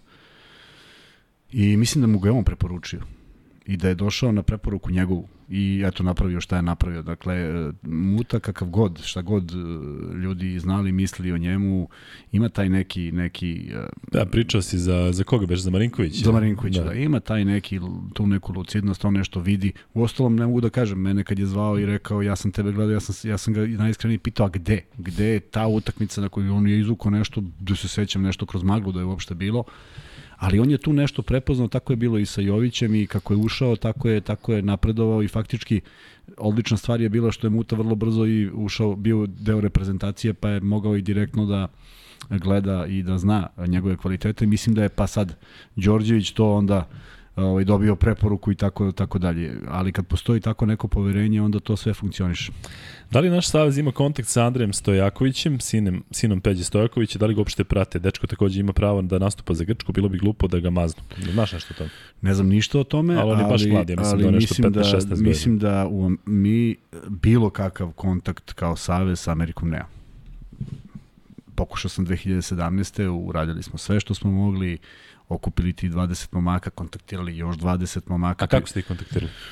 tražim telefone, tražim gde su, tražim Bukvalno mail adrese. privatno, Bukva, tako, ne pa postoji ne neki, ne, ne, ne, neki sad ne, ono listing, ne, pa ti sad... Kakav listing, pa uđe, uđeš, uđeš na, na, na sajt i napišeš srpski igrači u NCA, izađe 124 imena i onda ja svako ime gledam gde igra da bi uopšte povezao kolika je snaga univerziteta, moraš imaš neki kriterijum. E onda se tu pojavlja ona priča o Johnu Končaru, pa nije John Končar bio jedini, bilo je još mnogo ljudi sa američkim imenom i srpskim prezimenom, ali prosto kako da ga nađeš. Da. Tako da je velika šteta što u toj nekoj bazi podataka do koje nije teško doći, a naročito nije teško da, da, da pričaš sa tim ljudima jednom u, u godinu dana i da im kažeš, ej, gledali smo te fenomenalci, pošto ne možeš da veruješ koji broj imena postoji. Prijatelj mi je bio iz Čikaga pre dve nedelje, to sam ti rekao, i dao mi je 3-4 imena za koje ćemo vjerojatno tek čuti. Uh, ono što, što mislim da se nikad neće desiti, a nikad mi neće biti jasno, imamo imamo momka koji je Srbin, ali je iz uh, braka Srbina i Afroamerikanke. Da li ćemo mi sada da njega ovaj, vodimo kao našeg, što bi bilo potpuno logično, ali onda će krene pitanje pa malo je malo je malo je crno kao da to ima neke naročite veze. Tako da, da pričali smo o tome. Tako da mislim da ima mnogo tih stvari o kojima možemo da saznamo ali prosto niko se ne bavi tim. Luka šta misliš o 3x3 Pirotu? Dokle mogu na Challengeru? E, dobra ekipa samo da se oni uklope inače što se tiče ovako imena Mislim da imaju apsolutno kvalitet za Masterse i nadam se da ćemo ih prenositi zato što i Masterse radimo. E, sada Jel tu igra što... Gaga? Izvini što tako je, da. da, da igrao sam s njim lepo kakav bog. Jeste, pa da, da dosta, Gaga je... Dosta dugo smo igrali, jedno 4-5 godina kad sam bio ono klinac od 15 do 19. Ako neko igra basket, igra Gaga, malo ovako nezgodnije u smislu znaš, moraš ti da se uklopiš u njegov sistem, a ne u sistem ekipe, tako da, da s, te, s te strane je zahtevan, ali ako je neko tamo na Najveći Olimpu... crossover. Jeste, crossover i on je njegov polu horo koji, koji se ne brani. Da, da. Pritom i on igrao košaku na ozbiljnim nivou, tako da, da dobre gag. Um, SK će prenositi sva svetska prvenstva i evropska prvenstva do 2029. Ko će prenositi Srbiju na tim utakmicama u direktnom prenosu, pošto to do sada nije bio slučaj, na primjer 2019. radio RTS radio RTS-a naša ide u nekom snimku Sale Šabac. Gledaj, Sale, ja tu ne znam, e, ovo pitanje, ja mislim, već bilo isto tako formulisano, moguće da si ga ti postavio. E, mo, mogu da proverim, naravno, sport klubu, ali mislim da, da to što RTS-u e, dajemo, da to mi dajemo, tako Kuzma, mm -hmm. dakle, zato mi dajemo RTS-u, pa se već kako to prebija, kako ne znam. Dogovore, da. Ali nisam siguran da će tako biti dalje. Ranije to bilo i sa Đokovićem, dakle, oni jednostavno hoće da, ne znam na koji način sad, ne sjećam se da li da otkupe ili da, da negde kompenzujemo sa tim. E, mislim da će u nekom trenutku, ne znam da li od ovog, ali proverit ću, da će, da će sport klub e, imati Srbiju, mislim da je tako bilo na, što se tiče evropskog prvenstva u futbolu. Verovatno se sećate da smo prenosili sve mečeve, tako da sada na tržištu je takva situacija da ne verujem da će biti to, te, te vrste dupliranja, ali vidjet ćemo, kažem, do, do, do evropskog prvenstva ćemo proveriti. E, Mogu da se vratim na, na 3 na 3 nešto da ti ispričam? Ajde, ajde. Tačnije svima, ne samo tebi. Sorry, hoću samo tebi nešto da kažem. Pa ajde onda posle. Ajde onda, onda ćemo da kad završimo početi. Šalim se. Ajde, ovaj, uh, 91. na drugu u OKH Beograd je došao Vojislav Vezović. Vojislav Vezović je između ostalog bio jedan od najboljih trenera za mlade, mlađe kategorije dugi niz godina, a njegov prvi posao je u Šibeniku, kada je Dražen dobio prve minute i dobio je od, upravo od Veze. Moka Slavnić je bio drugi playmaker, a Voja Vezović je bio prvi trener te ekipe i faktički prve minute koje je Dražen dobio, dobio je od Voje Vezovića. Zašto ovo pričam? Zato što je Voja dugi niz godina još uvek radi, verovali ne, još uvek radi aktivanje. A gde, ne znaš? Neko tačno, po beogradskim klubovima gde ga neko angažuje, jer, jer i dalje vidi dobro, ono, zna košarku i vidi neke finese da, da prenese ovaj, uh, mladima. E, i on je došao u OKH Beograd i uh, prepodnevni trening. Sad moraš da znaš jednu stvar. U OKH Beogradu tada nismo svi bili profesionalci. Naime, imali su ljudi koji su imali posao. Onda se desi da prepodne ne dođu članovi prve petorke. Mislim, potpuno razumljivo. A, neki koji nisu radili, nego su bili profesionalci, kao što je, na primer, Sloba Nikolić. On je bio u Zvezdi, pa je odlazio, pa se vratio, pa se vratio, nema, nema standardan posao, pa je on mogu i dolazi on, ono, povremeno. Međutim, mnogi nisu i onda mi dobijamo priliku, dođemo na trening, a Voja se pojavi i kaže, igrajte 3 na 3. Mi već pomislimo, ovo je divno, igramo 3 na 3. Naravno, ovo, ovo zašto, zašto sad ovo sve pričam? Zato što 3 na 3 kad igramo basket na treningu, igramo na zamišljenoj polovini. Ne ideš levo desno, pošto ne možeš da uopšte napraviš tako nešto Naravno. u košaci. Dakle, igramo 3 na 3 kao trougao na jednoj strani. Poubijamo se do, do, do tri pobjede. Igramo u 99% slučaja da se završava 3 na 2 za ove ili za one. Znači, gola voda. Dolazimo sutra na trening, kaže, igrajte, kaže, basket. Mi pomislimo čovjek odlepio, mrzi ga da radi, da. Treći dan, četvrti, on dolazi četvrti, onako i mi sad već se spremili da igramo basket, a on kaže, A vi mislite veza poludeo, jel da kaže? Vi ste dao nam ovde. Pa kaže, ovo je čitava, ovo je osnova košarke. Ovo je ono što te zanima. Ona četvorica su tamo. Ti ako ovde rešiš, ako ovde podvališ, to je uh, Ranko Žeravica imao izraz, podvališ. Ako podvališ ovde i rešiš na ovoj, na ovoj četvrtini terena, ti si, kaže, uradio, nema, da, da. ne trebaju ti oni. Tako da, po tim pravilima smo igrali i... Ali drugačije ovaj, su bilo pravila, igrali ste ono 3 na 3 staro, igra se basket 3 na 3, ne ovo danas jedan...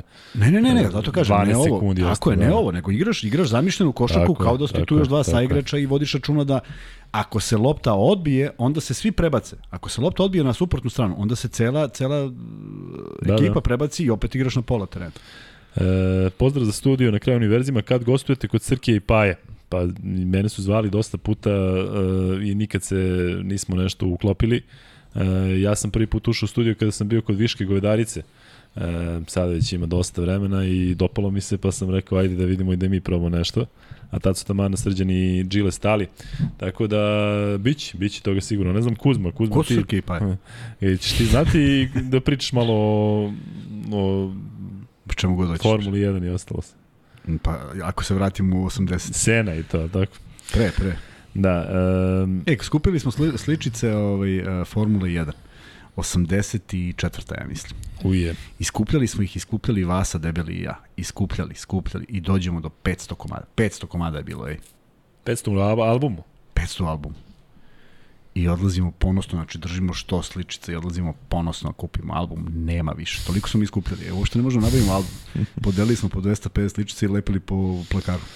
O, pa dobro, da ti nije, zašto nisi skupio prvo album, nego si skupio... Pa kao, znaš, prvo ćemo skupimo, pa ćemo lako album, ono lako. Jesi igrao tapke i poklapke, si igrao?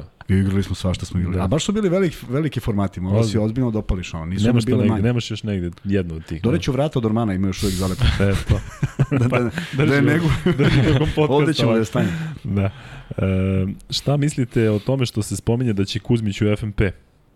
Pa ne, ne znam šta da mislim. Mislim da Pa dobro, nek taj FNP, znaš, nema problem da FNP raste u smislu da, ja bih volao da FNP igra Eurocup. Ja bih to pa, volao da igrati FIBA, ili su odustali, nisu odustali, ili igraju? Ne znam, znam da je Zlatibor e, nešto odustao, odustao da, da nešto neće da, da, da se meša u taj posao. Kuzmić, Kuzmić i ovo, ovo u, u njegovu odbranu, a bez nekog naročitog ovaj, razloga, osim onoga o čemu stvarno treba vodimo računa, imao je zaista puno pehova od odlaska u Madrid i povrede i sabreće nesreće i mislim da mu je preminuo otac i svašta što se dešavalo. Jeste da, baš se skupilo. Je u jednom momentu bilo da li će on uopšte se bavi više košarkom. I onda, je, onda se vratio na teren i naravno svi su očekivali da on samo krene da igra. Nije to išlo, otišao u FNP, ali tako, prošle godine. Da. I onda je radio tako. nenormalno celo leto i zaista sam ubeđen da Zvezda ne bi na početku onih prvih 10-15 utakmica imala toliko pobeda da nije bilo Kuzmića, koji je bio faktički jedan jedini. U tom momentu se pojavljao Luka Mitrović koji koji silom prilika postaje a, petica, kao što je Davidovac u jednom trenutku pre 3-4 godine postao kec i majestralno su iznali ovu sezonu i zaista svako poštovanje prema njemu, bez obzira što nikad, što nije uvek bio u onom najboljem izdanju, ali prosto nije to tako lako postići. Kuzma, pitanje za tebe. Koliko je realno da dovedete Miška Ražnatovića u goste? Bilo bi dobro sad zbog prelaznog roka. Pa ne znam, vidjet ćemo. Vidjet ćemo. E, Leksa, nemoj da se kladiš na zdravlje Nedovića, da, zdravlje Nedovića je jako bitno, ali vidim da se Nedović ovde od svih igrača koje, koje pominju za zvezdu, da se onako najviše e, pominje Kuzma, rekao je Čović da niko nije potpisao novine o, o potpisu Ilića lažu, I ne, ne, ja tako. ne mislim da je, mi smo sad pričali o fanta, fantaziji pojačanjima, da. o čemu se pričalo. Ja ne mislim da je on potpisao. Kažem da ako dolazi, ne bi to bio loš potez, ali da ne očekuju ljudi da će on sad uzme loptu i da rešava utakmice, mislim. Da li je dobra opcija za pleja za zvezdu Kina Evans ili Neno Dimitrijević? Nekako mi deluje kao igrači koji bi se uklopili u radonjen sistem. Znaš koji je Kina Evans, on je iz Makabija i Neno Dimitrijević Makedonac iz Juventusa. Iz Juventusa, da. Pa nije u, nije u Juventusu više, sad je u Valenciji. Ali gde je? Iz, ali on je ponigu, da, da, ponigu, da, da, da, da, da, znam, znam, znam ko je, da, upravo si u Valenciji je, pa ne mogu ti kažem da sam baš nešto gledao ovaj, da mogu da kažem da li bi se uklapali ne bi uklapali, ali mislim da, da bi trebalo da, želim, želim da verujem da postoji ovaj, spisak nekih igrača koje je Zvezda pratila tokom ove sezone pa da vidi šta i kako. A, teško je reći sa ovog aspekta i tu, tu negde Radonjić koji je bio playmaker možda mu je najlakše da nađe čoveka koji, koji mu je posebno potreban i bitan na, na, na nivou da zameni Voltersa jer je i Deo Radonjić nije bio baš neki brzanjac koji otrča, istrčavao kontra i zakucavao, nego je igrao ovaj, naprotiv sve na, sve na, na kliker i ja znam da ljudi to teško mogu da razumeju, ali bio je izuzetan igrač. Da. E, idemo dalje. Mm, treba li Partizanu pojačanje na četvorci zbog mladog i još uvek nekonstantnog Smajlagića? Pa mislim da treba sačekati da se vidi kakav je Smajlagić što se tiče da on, svega. Da on sanira svoju povredu, to je Tako prvo. Je, mislim da je ovog leta prioritet da se vidi šta on može i koliko može, a ne da se traži da e sad, se opet ne znam, da li na primjer Smajlagić ima višegodišnji ugovor. Tako je. Ili ima neku opciju odlaska u NBA ili nešto treće. Da, ali sećam se da kada je izašlo ko nema ugovore sa Partizanom, to su stvari ovi što su otišli. Mislim da je Kuruc je otišao danas juče, da. E, Mur je otišao, svi ovi ostali su ne, manje samo više... da postoji klauzula, jer ja da, mislim da, da, da negde on isto planira i želi da se nije tamo bez veze proveo tri godine da ne bi imao taj neki san, tako da i tu negde zavisi, ovaj mali Madar isto, on je Jeste. neko ko, ko, ko želi da se oproba tamo, Možda, možda može, možda ne može, ne znam, ali zato kažem, ima nekih sigurno klauzula u ugovoru koje, koje nisu poznate javnosti, pa vidjet ćemo kako se stvari odvijaju. Ono što je ono što je vrlo bitno, to je da je najveći napredak uz Smajlagića, zaista mislim da je napravio u svojoj prvoj pravoj sezoni ozbiljan onako jedan uvod, da je on bio vodeći igrač uh, Partizana. Ali je i bio i tad poređen. On da, je počeo da, da, sezonu da, da, da je da, bilo kao... Sve je bilo i onda je došla onaj, onaj period kad su bili prozori Jest. i tu se povredio. I, ovaj, i treba vidjeti s njim i i Balša Koprivica koji je zaista doživeo onako jedno, jedno preobraženje od, od, od početka do, do kraja, to su sad neke moraju da budu udarne snage, ali naravno ne budu jedini. I vidjet ćemo kako će Vukčević, pošto ono što smo stalno pričali, sećaš se kad smo rekli o Vukčeviću, pa je neko rekao dobio je minute, nisam mislio bukvalno Tako. da li je ušao i opalio na koš, nego da li od njega može da se očekuje, šta može da, da se očekuje. Da Partizan može da dobije od njega nešto, Tako ne on od Partizana. Tako je, e sad tu, tu, tu, tu je ono što, što stalno pokušavam da objasnim, da ne može jedan tim da ima sedam Novajlija i da očekuje rezultat. Dakle, što ih je manje, a opet mora da se vodi računa da to budu igrači koji su zaista neka perspektiva. Da ja mislim da taj, ne mogu da znam, ali vidim kako izgleda Vukčević i pretpostavljam Tristan da je da je dečko koji čim je bio u Realu, dakle da, da, da zna neke osnovne stvari u košarci, ali daleko je od toga da može neko da garantuje ili da misli ili da zna kako će se razviti. Da ima Mene potencijal... brine to što se Real njega odrekao. Real da bi te se odrekao mora da vidi nešto da, da nešto bi te što, se odrekao. Nešto što da. da, nešto što... Zato što su oni njega gulili, oni počinju u petorci u Euroligi tako u nekim momentima. Tako je, tako da vidjet ćemo. U svakom slučaju ja mislim da taj dečko ima izuzetan potencijal, tako koliko će ga eksploatisati zavisići od njega, ne samo od njegovog trenera ili, ili okolnosti. Uh, ali kažem, kada je veliki broj u ostalom, videli smo ove, ove godine, videli smo Željko Obradović je igrao sa 12 igrača, manje više od početka sezone. Završnica, završnica ABA lige je bila sa 6-7, koliko je, koliko je moguće, 8.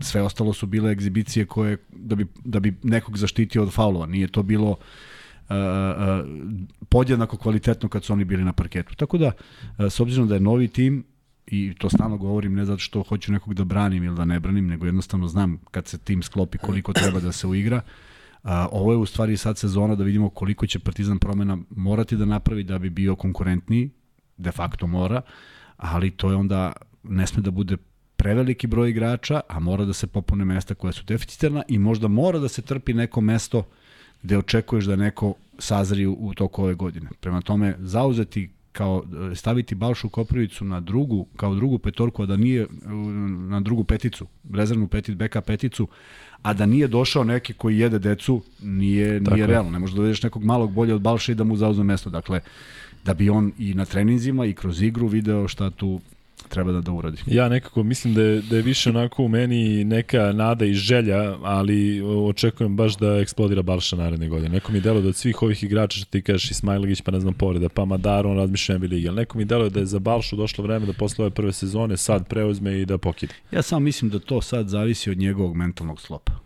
ali mislim da je pokazao ove godine u pojedinim mečima da je stabilan. U, u pojedinim, da, ali sad treba da izađe da izađe iz toga i da kaže e, sad je sad sad je to to. Sad ja više taj, nazad, da. tako je.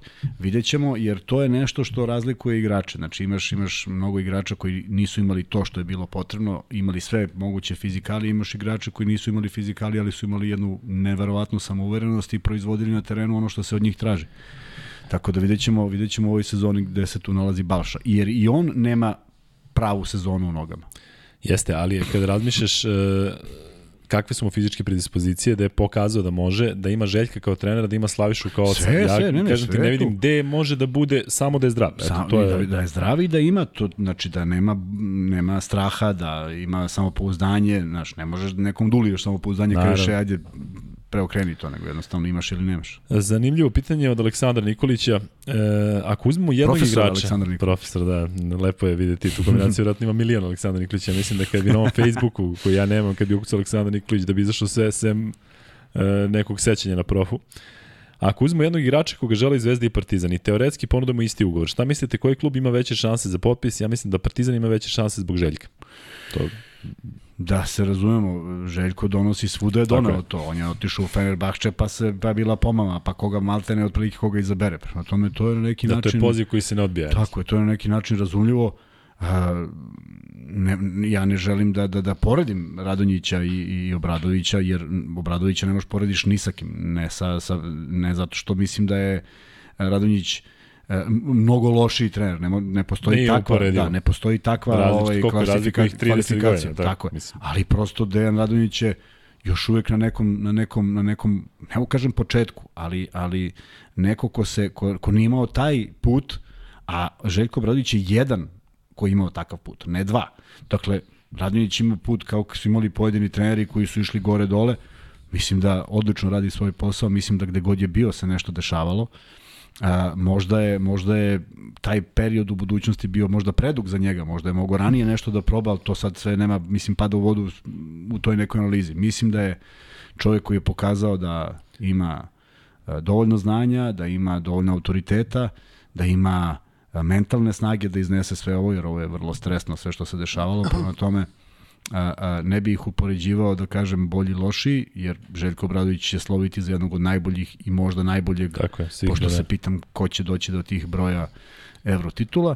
A s druge strane, možda kad bi napravili negde presek da vidimo kako će izgledati od eto novog formata a, Evrolige, da vidimo kako će izgledati narednih 20 godina, da vidimo ko će biti najuspešniji trener. Možda se ne pojavi trener koji će imati dve titule. Da jer je potrošnja mnogo veća, klubova je mnogo više. Ne zaboravimo da su da se da se malo drugačije igralo uh, kup šampiona u ono vreme. A da ne govorimo o 80-im gde se igralo 8 do 10 klubova koji su stvarno bili prvaci države. Prema tome sve je drugačije da bi se poredilo. Nalaze se na terenu dva izuzetna trenera, jedan sa neviđenim backgroundom, drugi koji ga gradi, ima još prostora da ga izgradi. Ne mogu da kažem da je Željku ikako moglo da bude lakše da osvoji neki kup šampiona, daleko od toga da mislim da je postojalo nešto lakše, ali, ali danas je konkurencija kudi kamo veća, jer su ipak samo prvaci prolazili u tom nekom periodu, pa imaš stvarno najbolje, ali po jednog. Ovde imaš po 3-4 ekipe iz iste lige, nije to lako. E, taj faktor Bradović mislim da je bitan, ali recimo ako imaš jednog igrača sad, evo pominje se Lorenzo Brown, pa ćemo taman komentarisati to, ali kad imaš jednog igrača koji dobije recimo istu ponudu, ja mislim da onda ide privatno, onda zove nekog svog kao je brate, ti si igru u Zvezdi, moguće. znaš, pa onda tom linijom da se povežu, kao što Bradović radi, ko što je pričao da je za Pantera zvao da tome, pa je pitao je kako je ovo, rekao dobar je, dovodi pa znam, se. Pa znam, to okay. znači letonci ne dolaze u Partizan više, po toj logici. Pa ne znam, mi, mi, misliš da Kuruc, e, kao Kuruc ima loši, mislim da je lošije Partizanu sa Kurucom nego što je Kurucu bilo u Partizanu. ja mislim, ne ja znamo mislim, neke da, da, stvari. Ne, ne, znamo, ne znamo ništa, ali ja ali, mislim da je tako. Nego hoću da. ti kažem, znaš, ako bi se uzali u to, da, jeste ovaj, bilo bi jako diskutabilno u krajnjem slučaju. Um, čak mislim da Partizan i Zvezda teško da mogu da gađaju istog igrača ako žele da zadrže. Stalno se pominje nešto, znaš, uvijek, sad sve, pitanje koliko su tu naslede tačne, ali stalno večiti jure tog. Evo danas Lorenzo Brown pa, sada, znaš, jure Lorenzo napišu, Brown. Napi, piše, piše se šta yes. god, mislim, ajde vidjet ćemo, ali uh, prvo moraš da imaš, da imaš ovaj, fizionomiju ekipe, šta želiš od ekipe i onda od toga zavisi. Da. Je li istina da Zvezda i Partizan traže Lorenza Brauna, a takođe pitanje kome bi bio korisniji od večitih, ja ne bih volio da dođe Lorenzo Brown iz Zvezde Partizan. Dakle, ga ti nešto... Nemam ja nikakav neki naručito... Ovaj... Da, nije to, da kažeš, Wolters, pa, znaš, možda to koristiš... To je čovek koji ima strahovitu kontrolu lopte. Mm, sve super. Igra neku svoju košarku koju ja ne razumem. Uh, ima onaj momenti kada u Zvezdi ode na ulaz i zakuca i onda se da. pitaš, a čekaj, kako onda četiri puta promaši i zašto ne uradi to isto. Je li ima praviš, koliko praviš e, e, recimo razliku između njega i Lloyda? Meni su oni negde onako, jako su drugačiji tip igrača, ali nekako ti ljudi koji voli da privatizuju napad i onda ti gledaš u njega i šta će da uradi i ne znaš šta pa, će da uradi. Kod Lloyda sam imao više poverenja šta će da uradi. Čak i kad promaši Lloyd sve lepo da. uradi. A ovo mi nikad nije, nije bilo jasno. Naravno što nema pouzdan šut, pa sad ti kažeš on je ostao na šutu, pa je to ihahaj. Kod Lloyda je makar to bilo u većem procentu. Ali e, ja inače ne volim košaku gde jedan igrač e, ima loptu i vrti, vrti, vrti, pa kad ne zna onda nešto šutne ili prodre. E, jednostavno, mislim da je i on upao u jednu ekipu koja je njemu prijala i zato je Unix igrao kako je igrao. Ali, ali ne bi ga volao, ne bi volao da ga vidim kao organizator igre u Zvezdi, u Partizanu takođe, zato što sve zavisi šta se, šta se želi. Ali on je bio u Zvezdi i nije mi se dopalo. Tako. I mislim da se mnogima nije dopalo. E, javlja se Alan Iverson iz Arilja, pa onda kaže, trenutno sam u Minhenu, to je Alan Iverson koji se često javlja i koji ima ono, pozdravljaju iz Arilja. Kako da, za, da, da, da, da, tako da e, pozdravljamo i Arilje i Minhen. Posle ćemo da vas pozdravimo sve i opet ćemo da vas pitamo dakle se javljate, ali za sada pitanje, Vanja, pa možda bi mogo i ti da se uključiš, E, pitaju sa koje pozicije, pozicije će biti izabran e, Nikola Jović. E, kada, kada ih odvedu tamo u Green Room, odnosno kada ih pozovu u Green Room, ja mislim to da garancija da će biti u top 20, da je onako izvesno da će biti u top 20. Pa nije baš toliko izvesno. Pa, Nije sad mislim, siguran. Ja mislim da će pre biti tako nešto između 25 i 30. Ovdje. Ja verujem između 15. i 20. mesta. E, koliko sam video prema sad, znaš kako izlaze sve onako najave, vidim da je nekako je kao realno da ga možda uzmu San Antonio Spars i to bih volao da će bolje mesto nego da te tamo Greg Popović koji će očigledno biti još neko vreme treba. Pa ja mislim da će možda Greg još godinu dana, ali vrlo za koliko malo evropskih prospekata ima. A prosto nevjerojatno u ovom trenutku kada evropljani dominiraju NBA ligu. Da, da, Jović ima ovaj Diop iz uh, Gran Canaria, zar ne? Da. I još ovaj iz, Par, iz on Pariza, Ismael. On je, on je Diop je tanak, znači mm -hmm. jedini je tanji od njega onaj ili Mane Diop koji igra sa njim što je igrao u, u, u ovom igru zajedno sad u Gran Canaria igra taj Diop koji je mali, koji je dobar igra, on ili Mane Diop što je godinama bio u Tau Keramici i bio je pritom jedno vreme jedini španac uh, u, na papiru u Tau Keramici. Dakle, ove, ove sezone sam prenosio Gran Canaria, dobio loptu, ne znaš, možda zakuca onako iz mesta sa, sa bacanja, a kažem ti onako kroz ruke prolazi, nisam nešto... Slabo, slabe su, kažeš ti, prospekti. Usman Garuba je što je otišao, znači u njega nisam verovao nikada. Da. On je on otišao Houston. Pa otišao Houston igra dva minuta ukupno cela sezona u onom Houstonu gde su gurali mlade igrače, tako da kažem ti nisam nešto ovaj optimista kod tog tipa igrača. Ali dobro, e, vratit ćemo se na Jovića kasnije, pričat ćemo malo više o draftu. E, što se tiče ovih daljih pitanja, e, pitaju kada izlazi raspored Euroligije, da li znamo? Meni se čini ne. da se to ne zna i da je sve jedno rano, a da će ako će nekada izaći kasnije to ove sezone kad se još ne zna ni, ni ko pije, ni ko plaća u, u Euroligi u smislu... Da, ne znaju se još Da, mislim da im je prioritet... Da, nešto drugo im je trenutno prioritet. Coka Cokče se javlja, desi Coka Cokče, to je moj drugar. E, pitanje u vezi sa domaćim igračima, da li je možda rešenje da zadržimo mlade igrače do određenog broja godina u Srbiji sa ciljem da se klubovi više oslanjaju na domaće igrače? Pa ja mislim da to nije moguće više po zakonu, inače je to bilo, ne mu kažem lepo, za mnoge igrače je to bilo pogubno ali je ta liga bila jaka. Neka Jeste. ljudi malo vide kako izgledala SFRJ futbalska liga, na istom pravilu zasnovana, pa da vide ko je sve ostavio, kakve su ekipe bile, koliko se često menjao prvak, koliko je bilo teško pobediti bilo gde, tako je bilo i u košarci. Imali smo Zadar kao iznenađenje plejada vrhunskih igrača, imali smo Cibonu 80-ih, imali smo Jugoplastiku krajem 80-ih, bio je tu Partizan koji imao fantastičan sastav, bila je Zvezda koja je imala nekoga ko bi bio vođa ekipe, a igrali su majestralnu košarku prema tome, to je sve bio proizvod toga što nisi mogao da napustiš zemlju, tako je bilo uređenje i onda kad je to sve ukinuto ne mogu da kažem da mi, da mi je drago a s druge strane kada bi pričali sa Pravim Dalipagićem koliko je njemu to štete nanelo negde u, u karijeri jer je morao još posle 27. i u vojsku pa se vratio u Partizan pa je tek faktički otišao posle 28. i onda igrao tih kaže morao sam da igram srećom bio je zdrav, ali igrao je i više nego što je možda planirao da bi tek tada u tim godinama obezbedio neka sredstva, neki veći novac. Gde si služi vojsku? Nigde. Nigde. Dobro. E, a gde je Praja služio? Znaš što, on, ili se tad išlo ono, odiš godinu dana i da, godinu dana, da, tako, da, nema da, ono da, nešto kao kak, pa ti kao kak, 9 ja meseci. Ja su pa išli i 15 meseci. Da. Da li će David Blatt uspeti da vrati Makabi, stavili su ga na neku funkciju u klubu. Jeste, on je tamo sad neki koordinator ili već šta je, ali mislim da je Piti zdravlje prioritet. Njegov, da, da, zdravlje. Mi koliko može da se posveti. E, da je, da je, što se tiče zdravlja, dobar, ja bih volio da ga vidim na mestu, na mestu trenera, a ovako nekako bih poistovetio tu situaciju sa Duškom Vujoševićem koji je bio u tom klužu, pa je više tu bio kao neko ko će da prati pa da vidi neke stvari i da, da onako suflira mlađima. Verovatno je to sada uloga Blata, ako negde treba da bude Blat, treba da bude u tom Akabiju, tako da želimo mu sreću i pre svega dobro zdravlje. Um, idemo dalje. Nista lopta Kuzmo. Nešto, te, nešto, neki lopte si... Nije ista, pa rekao sam 3 na 3 nije ista lopta. Da. E, pitaju ovde opet, e, to sad se razvila priča Vasa ili Kyrie Irving, e, zavisi koji basket u američkom bi Vasa imao više šanse, znaš, da li se igra ono, da ne se menja posledi se. Da, sa Kyrijem je ovaj, posebna priča. Koliko daleko može Dala sledeće godine sa Lukom i sa Goberom, koja je njihova najveća želja za ovaj prelazni rok uz uh, Bransona i Finija Smitha kao najveći pomoći. Pa ne znam da li je to sigurno za Gobera da, da je u A ne znam šta će ti Gober kad se već uzao Christian Wood. Uh, tako je, dakle, to sa Goberom sad tek onako... Nije... Juri Bradley bila pre. Tako je, da. Mislim da je, da je to bolje. Da je bolje da se Mnogo sada oknu nekome, znači imaju Luku, imaju sada Vuda koji mislim da će, da će biti dobar i sada, dakle, Juri nekoga na tim pozicijama 2, 3, 4 ko, ko, ko će da ti donese mnogo, ali navijamo, navijamo za Dallas. Pitanje za Vanju Bogdanović, da li ostaje u, u, ili ide iz Atlante, da li znaš?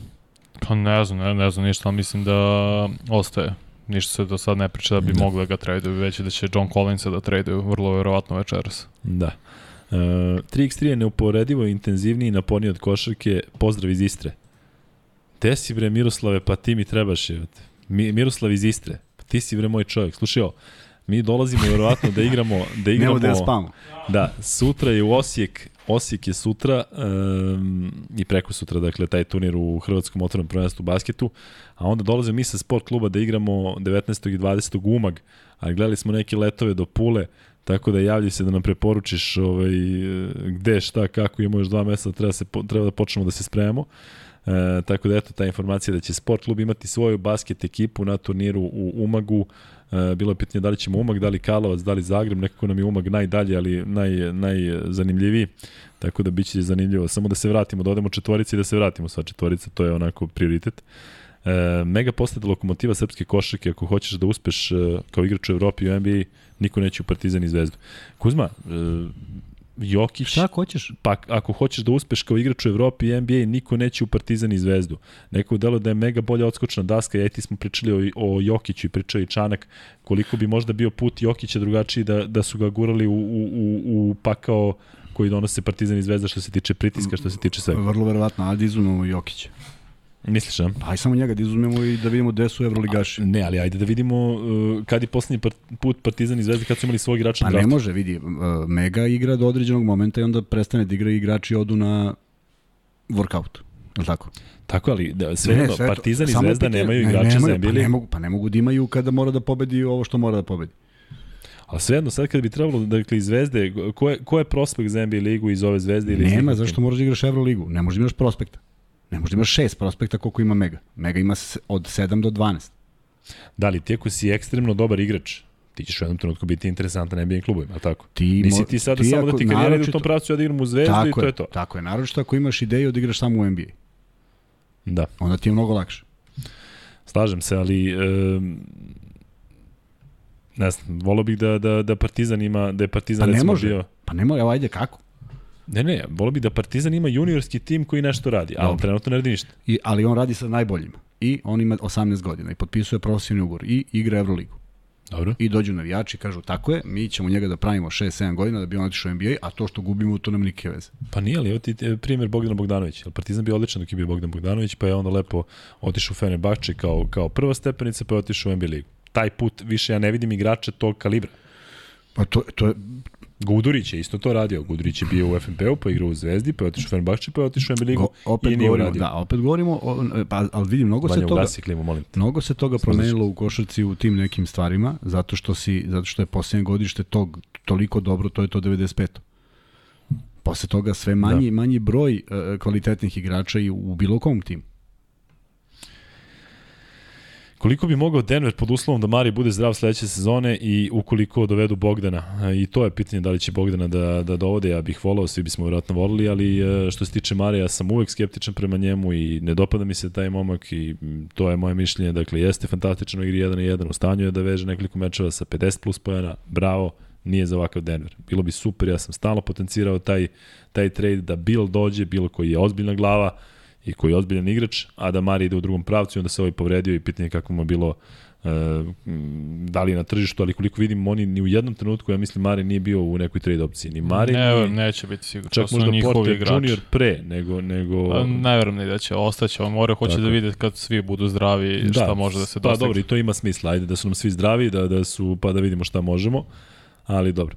Kako komentarišete ulazak Nikole Peković u upravni odbor KK Zlatibora i to da iz tog kluba i dalje ne znaju da li će igrati ABA 1 i ABA 2, zbog čega su i odbili Fibinu ligu šampiona. Da, sad je ovde lepo objašnjeno.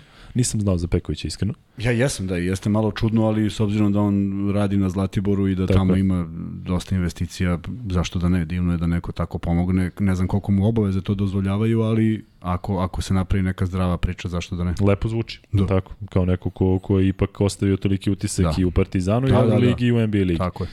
Ali što ti kažeš, vjerojatno je tamo non stop čovjek fizički, pa ajde da vidimo. Da, da vidimo već da on. li može, ali nije to samo, sad ne, ne, ne, da ljudi ne shvate pogrešno, nije to sad davanje para, kao ubaciš pare pa se tu nešto dešava, znači mora da se isplanira šta i kako, e tu treba jedna, ako je, deluje mi da je zdrava priča na Zlatiboru, deluje mi da Jeste, su išli meni. korak po korak, pa ajde da vidimo da, da ne pokvare tu priču, pa nek idu i dalje korak po korak, pa dok li stignu. Kolika je šteta za Aleksandra Ranitovića što nije ispunio svoj talent koji je obećavao? Jesi sa njim? Strahovite povrede imao, mislim, on je jako mlad imao te povrede i stvarno je bio neko ko On je obećavao. godište? 9-8? 9-8. Da. Ja, I ja mislim da je, na primjer, trener Bućan koji je tada vodio U19, njega ubacio u sastav uh, iz prostog razloga što je bio jedan od naj... a imao je 17 godina. Dakle, stvarno se i, i u Savezu što se toga tiče koji je izbor igrača i da li ćeš na neki način žrtvovati rezultat, a ubaciti što mlađe, to je negdje uvek bila dobra ideja i uvek smo je eksploatisali, ali stvarno je doživio dve povrede, jednog pa drugog kolena, ako se ja dobro sećam, u vrlo kratkom periodu i naravno da je ostavilo traga. A ljudi ovdje komentarišu kako Jović ima hronične probleme sa povredama i da nije realno da on igra Pa na da, nekom pa nivou zvezde nažalost i da, sve. tako je. Da pritom on, nažalost, više i nije toliko mlad. Dakle, da sad možda kažeš, ajde, znaš, pa će se oporaviti, pa će tamo da, one a sezone. fizički mora bude mnogo spreman. Tako je. znaš. E, braćo, hoćete dolaziti u bar na ljetovanje?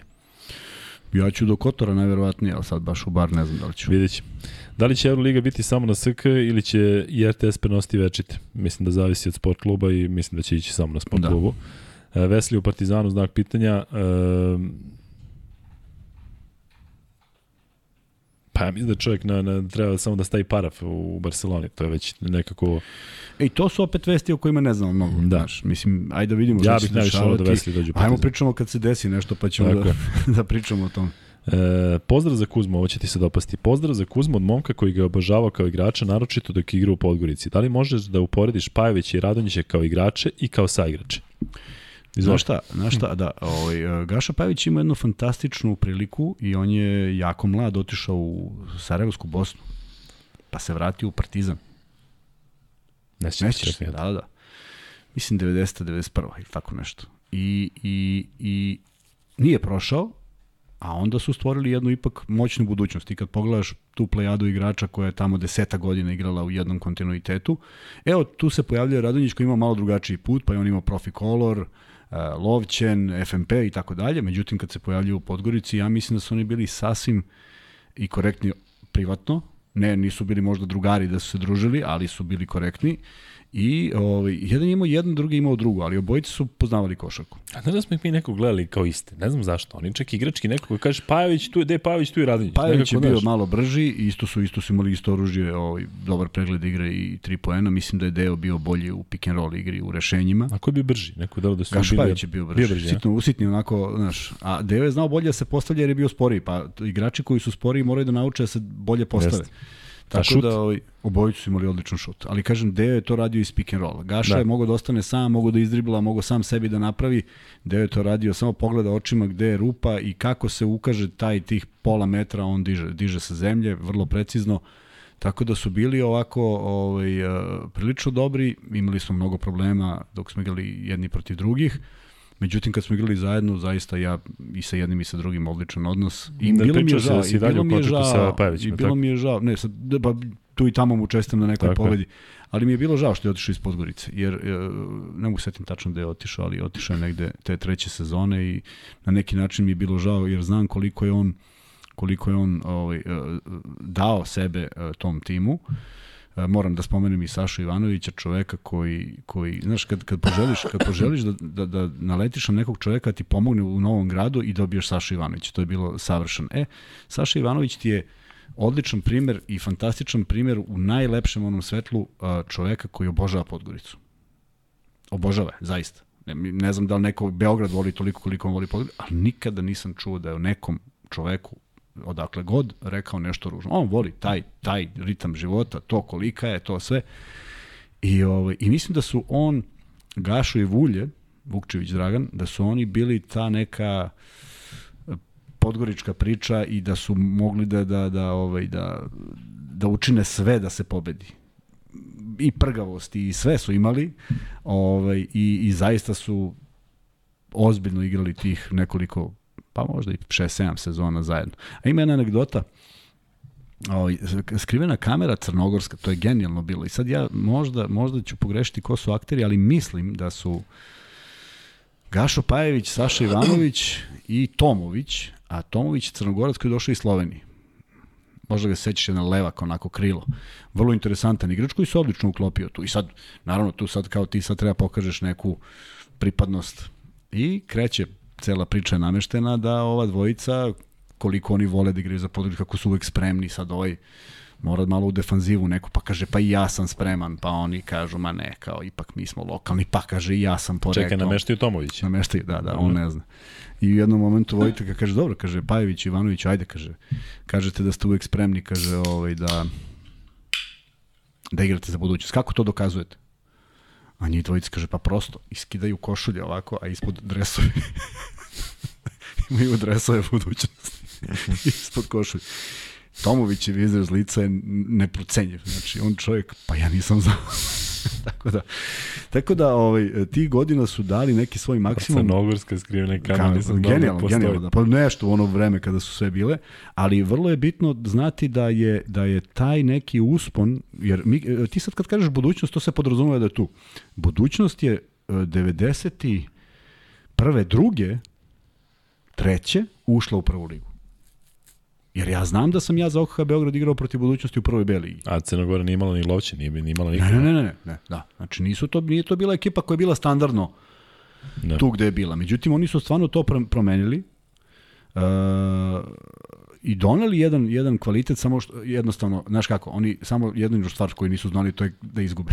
znači nisu mogli da se pomire da izgube, to je bilo jače od njih. Međutim, divne tri godine u Podgorici, jedna strahovita ekipa, jedna onako kaznena ekspedicija i bilo je zadovoljstvo biti deo toga. E, digresija, kada pominješ e, Lovćin, meni uvijek padne na pamet Goran Jeretin. Gde je Goran Jeretin? Ti si igrao protiv njega, tako? Što ti padne, ali igru Loćer? Je igrao i Lovćinu, pa je, ne znam, ne mislim da čak u i. Zvezde, Sutjeska, i Sutjesci je, Sutjesci je igrao. mm, ali on je mlađi od tebe, tako? Meni je Čedo, Čedo, Čedo Mudrš. Ne znaš ti Čedo Mudrš, centar jedan. E, za Lovćin, je li Tako? tako? Lovćen, da. E, dobro. Idemo dalje. E, Igrao je i Deo za Lovćen. Igrao Da. je i brat uh, Milatovića, trenera Milatovića. Igrao za Lovćen, bili su opasan tandem. Ona, ona jedan i ovaj na četiri. Da. E, Luka Regland ti ostaje i sledeću sezonu u Holonu. Šteta, ali očekivano, pošto će sigurno sada da, da imaju i malo veće ambicije i ako se ne varam, ne znam da li oni idu korak dalje ili će i dalje igrati Fibnu ligu šampiona, ne, Jerusalim ulazi u Evrokup, ali svejedno osvojio čovjek titulu tamo, vjerojatno su mu ponudili novac. Žao mi je, mislim da bi bio idealan za Partizan. On, Vona Maker, kada govorimo o tim playmakerima. Luka, šta misliš o Tyrusu Megiju? E, da li bi bio dobar za večite pozdravi 70-ice? Tyrus McGee me je oduševio u izraelskom prvenstvu zato što je pogodio sva bacanja koje treba, pa je prošle godine bukvalno je fauliran na trojici protiv Kašijake u gostima. Mislim da je bila ona korona pa se igralo bez publike. Ali bilo je dva za, za Karšijaku, fauliran McGee, uh, Erden pravi neki faul, nema više vremena i on stane i šutne tako lagano tri slobodna bacanja. Meni je uvijek Koljević u glavi. Sećam se uh, kada je pionir goreo i sada razumeš budućnost, Koljević šutira i on top, top, izvede bacanje pre nego što ovi krenu da zvižde. Znači, op, jedna Beskovski, druga Beskovski, da, znaš, ali tipa ono, znaš, siguran u sebe, nema sad on tu da čeka šta, pa da je onda ima i interakciju između prvog i drugog slobodnog bacanja, ali Tyrus McGee je oduševio tu, ali nije on kalibar za večiti, zato što je on počeo u sezonu u San Pablo Burgosu i vratili se ga dan, dakle, ako ne može da igra u uh, ekipi koja je ispala iz Španije, iz španske prve lige, da li može da igra da igra u Partizanu ili Zvezdi, ali ali dopada mi se. Ima tamo Adam Smith u tom uh, Holonu koji je onako meni najinteresantniji, ne znam koliko je skup, on je davao po 7-8 trojki u nizu, kažem, treba obrati pažnju na njega. Um, čuje li se Kuzma sa Topalovićem, kako mu ide gore na Zlatiboru, jedan je Kuzma šampion, kaže Petar Blagović. Petre, hvala ti. Ovo, ovaj, što se tiče Topalović je napravio izuzetan objekat, jedan, sad je napravio drugi sa nekim apartmanima. Je li isto sve svoje ručno? Mislim da nije, nadam se da nije, zato što je se valjda opametio malo, međutim, izuzetan domaćin, uh, gore lep ambijent, kad god prođem svratim i drago mi je da smo i dalje u kontaktu, jer zaista ovaj, sa, nekim, sa nekom sad već dozom sigurnošću mogu da kažem da je to bio jedan od najboljih centara sa kojima sam igrao neograničene inteligencije. Nažalost, uh, loših uh, fizičkih predispozicija, jer su ga tako tretirali kao nije dovoljno, ne znam, skočan brz i stvarno jeste on malo drugačije trčao. Nije baš bio brzanjac, ali jedan od redkih koje kad izvučeš iz, iz, iz, na bilo koju poziciju da ga staviš, odigraće za jedan, ako treba biće playmaker, ako treba biće šuter, sve može da zna, sve zna ko se gde kreće i prosto mnogo mi je žao što je on vrlo rano prekinuo svoju karijeru, nije imao ni, on je mlađi od mene, on je 72 godište. Uh, on je 2000. prekinuo karijeru. Znači ima 28 godina, možda 2001. 99, možda 2001. Povrede ili odlučio? Po povrede, da. Koliko je mogao da naplati Željko Košiki u tom periodu? Ili... Pa vidi, imali smo jedan onako prilično iskren razgovor i on kaže, jel znaš da sve što sam zaradio, zaradio sam u markama. I ja ne verujem. I onda mi je, kaže, preko noći neko uzeo pola. Pa to je kad je marka prešla u evro. Da. Kaže, ja nijedan ugovor u evrima nisam potpisao. Pa dobro, do 2001. i podrazumeva se da nije moglo. Pa da, hoću kažem, da, da hoću kažem, ja, nis, ja nisam mogu da, da, da, da zaključim da je to tako, a da. kamoli kad mi je rekao i... Da, šteta. E, ako Partizan ne želi igrati nacionalnu ligu, čiji je onda predstavnik u Euroligi? I sad kaže Milan Vukadin, ako ja recimo imam 50 miliona, kupim najbolje igrače, mogu li kao niči da igram Euroligu? A, ne možeš kao niči. Pa da li, veza između KLS i Euroligi, koliko razumijem, ne postoji. Ne, Partizan ne kao predstavnik kao tako je, tako ko, koketirao sa Euroligom. Tako je, on igra ABA ligu. Tako je. I oni ga prepoznaju kroz ABA ligu. Razumemo te i volili bi, volili da. bi da postoji ta veza između Lige Srbije i Euroligi, za sada ne postoji. postoji. Sale Božić kaže, da, pitao sam na Instagramu, ali niste odgovorili, ne zameram naravno, ali packa i smese. Uzma rukovodi našim Instagramom. I A šta je, Kuzma je, meni, je Pa ono što je, da li će Sport Klub prenositi... A jeste napisao, I Kuzma je meni da. poslao, Eto I, I ja si, Kuzmi nisam odgovorio, da, ili ne znam šta, tako da moja greška. Kuzme, Kuzme ne može da, da, da omane. Kada tako imate, ima ne, nešto, nešto nije u redu, to uglavnom ja e, radim neku odbojku ili neki 3x3, tako da... Hunter, centar iz Metropolitana, jel može da igra na evroligaškom nivou? Pa, šta znam. E, možda i može, ali ne bih, ni, ne bih eksperimentisao sa Zvezdom i sa Partizanom. Kad će podcast sa Davidovcem? Pa moramo ga pozovemo. Da, e, nećemo više da najavljamo da se ne bi opekli kao sa Olimpijevićem, nego ćemo samo ranije da najavimo kad nam dolazi gost, ali e, pošto sad Kad idemo proverim. live-u, ponedeljak 23 i četvrtak 21, realnije da četvrtkom imamo gosta. Da. Jel, taj Teško će neko doći da, 11 Možda neko iz Amerike koji još nije se navikao, pa ovde onda u 23 krene da, da nas on podiže, ne mini njega. E, šta je Radonjiću i Zvezdi potrebno da napravi iskorak ka top 8? Ja sam mislio da ove godine iskorak ka top 8 i negde sam zaista ubeđen da su svi bili zdravi i da je sezona počela kao što je bilo planirano da bi oni bili u top 8. Sa Rusima? Sa Rusima. Sa Rusima i pričam. E, deluje, deluje ovaj, da nije, ali ajmo da se vratimo u novembar kad su igrali sa 6-7 igrača, kad su svi bili bolesni ili povređeni. Dakle, mnoge utakmice su izgubljene, opet veliki broj utakmica u koji ni jedna, ne postoji utakmica u kojoj je Zvezda nadigrana pa je razbijena 30 razlike, mislim da ima jedna. Ovo sve ostalo je bilo u prilično jednoj uh, bliskoj, bliske, rezultatske bliskoj i neizvesnoj utakmici i nedostajale malo nekog iskustva, jer nemaju ga svi. Uh, ali Vajce kasno priključio, Hollins kasno proradio, Cirbes na trenutke samo igrao. To je od 12 igrača bilo mnogo. Pritom bile su povređeni. Setimo se dok nije došao, dok nije došao Marković, bilo je problema i sa playmakerom. Pa je onda COVID imao Ivanović. Pa stalno je neko bio uh, odsutan u jednoj ekipi u kojoj mora da funkcioniše sve da bi da bi da bi ovaj da bi se dobio rezultat. I zaista kad su sastavili ekipu mislim da je ovo prilika, ne ga, ne da je garant, nema nema ništa garantovano u košarci, ali sam mislio da će to biti za nijansu bolje i pogledaj kolika je potrošnja bila pred one završne utakmice kad je Zvezda četiri u nizu pobedila i onda isto toliko izgubila. E tu je tu je nedostajala ta neka svežina, to nešto što je što je bilo preko potrebno. Opet to se poklapalo sa vrlo bitnim utakmicama u Jadranskoj ligi i to je nešto što moraju se naviknu. Bilo je pitanje ranije šta očekujete od Zvezdi i Partizana naredne godine u Euroligi. Ja bih volao da bar jedan tim dođe u top 8, nije realno da, da oba budu teško, top 8, teško. ali bilo bi lepo da, da su jedan i drugi tim tokom sezone konkurentni u smislu da, ali, da postoji ta da, šansa ali, da se Ali vidjet ćemo, vidjet ćemo, tri tima koja su otišla su bili izuzetni timovi. E sad, ako baš svi igrači iz tih timova nađu angažman po Euroligi, o, u redu. Ali pa neće, da... vidiš da je Milutino potpisao za CSKA novi ugovor, vidiš da, je, pa, da tamo kažem, oni vraćaju svoje. Upravo kažem, neće se to da. desiti. Tako da će, na moju veliku žalost, šta god, kogod bude potpisao, biti slabija liga od prošle godine. Ali pazi, uh, Unix nas je iznenadio. Da tako? Pa dobro.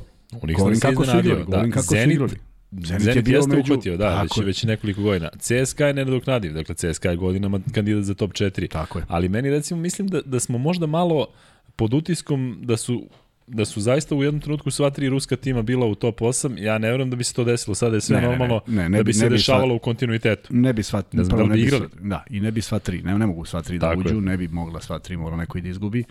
Ali hoću da kažem da će biti veća konkurentnost za tih top 8. Biće možda da. za nijansu lakše biće malo više istih ili sličnih timova. Tako da postoji šansa. Uh, mi stalno pričamo naravno o Zvezdi ove godine ćemo pričati i o Partizanu. Ali da stvarno neko misli da ovi ostali klubovi koji vise u tih 10 od 18 nemaju te ambicije. E, stvarno misle da se neko sastavio da bi malo bacio par.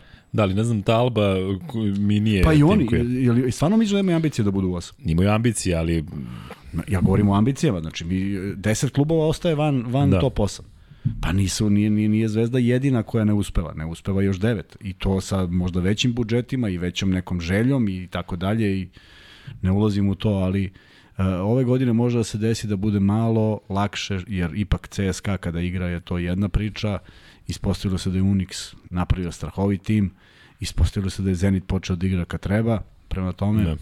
Vidjet ćemo kako će izgledati. U svakom slučaju ne otpisujem ni Zvezdu ni Partizan, i zaista je bilo dobro da se makar, makar evo jedan od ta dva kluba napravi, napravi taj neki iskorak, vidjet ćemo. Zvezda će verovatno ostati u sličnijem sastavu nego što će to biti Partizan, opet Dakle, jedna, jedna, jedna, jedno igravanje ekipe, jedan period koji je pred Partizanom, gde mislim da će Zvezdi, ako je ostao Hollins i ako su ostali ovi igrači koji još imaju ugovore, ovaj, biti za nijansu lakše. Kuzma, koje je pitanje koje te ja pitam na svakom podcastu posljednja dva mesa. Nešto za Jackova Pula. ne, nije, nije. Ali znači, delimo free betove. Delimo, da, naravno. To, delimo free betove, onda da smislimo svako po jedno pitanje. Vanja smišlja Ajde. NBA, Kuzma ti, BFC, Beobanka, kako to već obično ide, ja ću nešto da izvučem iz izraelske košake, dakle da držimo nivo. Evo ovde je interesantno uh, poređenje. Sećaš se onog iz Pauka Painersa što se nije snašao kao ovaj ku, Kurc. Nešto ne. to seća se Painters, onaj e, što je igrao za Daruša Faku, pa je došao onaj E, Letonac e, onako giba se posto Partizanu došao kao pojačanje pre 3-4 godine pa Kao se oslo- nije kao snašao. Da, da, da, pa je ovaj, otišao kao kuruc, možda ne treba više gledati kad to mada Bertans je da. odatle, tako da ovaj, ne možemo da govorimo tako. Bradley bilo u Denveru, kako to vidite? Ja, Vanja, to priželjkujem, ali ne mislim da je moguće, pričali smo malo pre.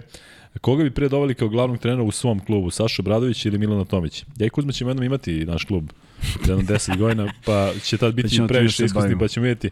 Ja bih pre doveo Sašo Bradović. Milan Tomić ili Sašo Bradović, koga bi odao? Ne, veće iskustvo ima Saša Obradović, apsolutno. Mislim, čovjek je, čovjek, ja, radi Tomić negdje? Ja ga Mislim, ne da ja znam. bljesak u zvezdi i vidi, on je, on je zaista možda idealan na mestu tog nekog čoveka Da. da. koji on bio u Olimpijakosu, jer ne Tako može je, da se zadrži Neša tamo. Ilić da. Olimpijakos. Ne može se zadrži tek tako i, i da bude tu Jeste. toliko godina, ali mislim da je, da, da, da, su, da, da je ovaj posvećeni i, i, i u košarci mnogo više nego što je Tomić. E, šta kažete na informacije da Denver želi da otkupi prava za vas od Oklahoma i želi da ga potpišu po vama, da li bi vaš, vas imao mesta u ovom Denveru? Pa ja volim kada se skupe ti e, igrači iz Srbije na jednom mestu, a da, a da igraju. Dakle, ne, ne varijanta da ne igraju. E, sa e, Vasom bi bio eksperiment koji recimo sa, sa m, ovim Kampacom igrao je Kampaco dobro, ali mislim da će biti oprezni za te igrače koji se nametnu u Euroligi pa onda dolaze. Jako mislim da Vasa može da pruži više od Kampaca. Tako da, da nadam se da ćemo imati taj neki tandem u, u, u, u NBA ligi, da zaista dvojice igraju i da tim bude konkurentan. Koliko je realno, Pa, To ne znam. Bones Highland je trenutno drugi playmaker. tako je. Kao što mišli o Highlandu? Mislim da ima baš ozbiljan potencijal da bude dobar starter u ligi. I meni isto deluje da... Ne, verujem da, onako- mislim da će ovaj, kako se zove, Monty, ko je sada tačno? Bones Highland je ovaj što je menjao Mareja na poziciji startnog playmakera. Na M nešto... E, Monte Morris. Da, Monte Morris, ja Da, da, mislim da. da će on biti trade, onda će Highland biti drugi playmaker. Stvarno ne vidim da će u tom slučaju onda uzimati i Vasu, jer ne treba ti tri playmakera. Više ti treba neka dvojka onda. Da, da. E, mi smo imali zadnji igrača na draftu, Vanju Marinković, ako se ne varam, kaže Ceni Grober, uvijek, uvijek prisutan Ceni Grober. E, jeste, i meni, i meni deluje da, da zaista dugo nije bilo igrača, drugo Vanja je bio, ja mislim, 60 ili tako neki pik i nikada nije zaigrao. On ima ozbiljnu povredu ramena, Znam e, da mm, imao istu povredu, povredu ramena kao ja, pa znam da je bila ozbiljna s tim što je njega operisao najbolji španski stručnjak, pa se, oper, pa se oporavljao ovde u Beogradu i jako brzo se oporavio, tako da ne znam, jako je nezgodno za šutera kada, kada tako nešto se desi, zato što navodno kada ti operišu rame izgubiš mm, 4 ili 5% nečega što je jako bitno, bitno što se tiče e, koordinacije i svega, tako da, da Vanji želimo sve najbolje i nadam se da će recimo on, e, kao što recimo Jaramaz dočekao svoju svojih 5 minuta u Bayernu, da će isto Vanja, Vanja da, da, da opet eksplodira kao što si očekivao od njega. Kaži Kuzma nešto da gledaš. Da, hoćeš evo ga? Vladimir Milenković piše na Instagramu i kaže ovako, kaže, klasičan primjer da ne žele evroligaši da razviju mlade igrače jesu Efes i Petrušev, cilj im je titula i to je to. I ima poentu. Dakle, cela igra i sve što se dešavalo je bilo da se uzme titula. I samo finale je bilo prilično ružna utakmica Jeste. koju nećemo pamtiti osim po Vasi Miciću i zaslužio je to. Ali, e, to je realnost. E, ne može jedno i drugo d- sad ako me pitaš šta je bolje, to samo zavisi o čemu o kom klubu pričamo. Dakle ima klub koji može da radi jedno, ima klub koji radi drugo i to ne možemo da se vratimo u prošlost i kažemo kako je Partizan nekad imao mladu ekipu pa kako su. Ne može, prosto ništa nije isto. E, I ovde ga pita još da neko mišljenje o Atamanu. Vidi, a, da odgovorim Vladimiru. Vladimir, sam rekao Vladimir? Jesi. Malo, tu sam Dok ti to otvoriš, prođe pola podcasta. Vladimir, da. Ovo imenjaku da odgovorim. E, vrlo antipatičan iz onog perioda one tragedije u Istanbulu, Zvezda Galatasara i sa sve nekom čudnom frizurom, šatiranom, ne znam da li mu je ono stvarno, majke mi nije mi bilo jasno. Da, ono, stvarno, da, kad Deluje odeš kod frizera, šta da. kažeš? Šta- ošišaj da, mi... Da, ne, prosulo mu se možda nešto, Da, pa nije jest. dirao. Ovaj, međutim, uh, uh, i čak sam sumnjao u neke njegove kvalitete, međutim, apsolutno čovek koji zna kako da igra sa određenim fondom igrača, ništa ne rizikuje, ništa ne prepušta slučaju. Uh, ako pitamo njegovi igrače da li bi bili kod njega, mislim da bi podjednako bili kod njega na što se slobode igre tiče i Kruno Simon koji priča o njemu i on koji vraća Kruno Simona u život na neki način dajući mu izuzetnu ulogu u ekipi. Nikad ne, nema, nije imao pritisak da nešto mora, jednostavno igra se, podelio uh, uloge svojim igračima, niko nije gladan lopte, dva najbolja napadača, možda u tandemu u Euroligi, prema tome sve funkcioniše. Nije to lako. To neko Nije. kaže, e, pa ja bi mogu budem trener ove ekipe, to Jest, malo sutra. da.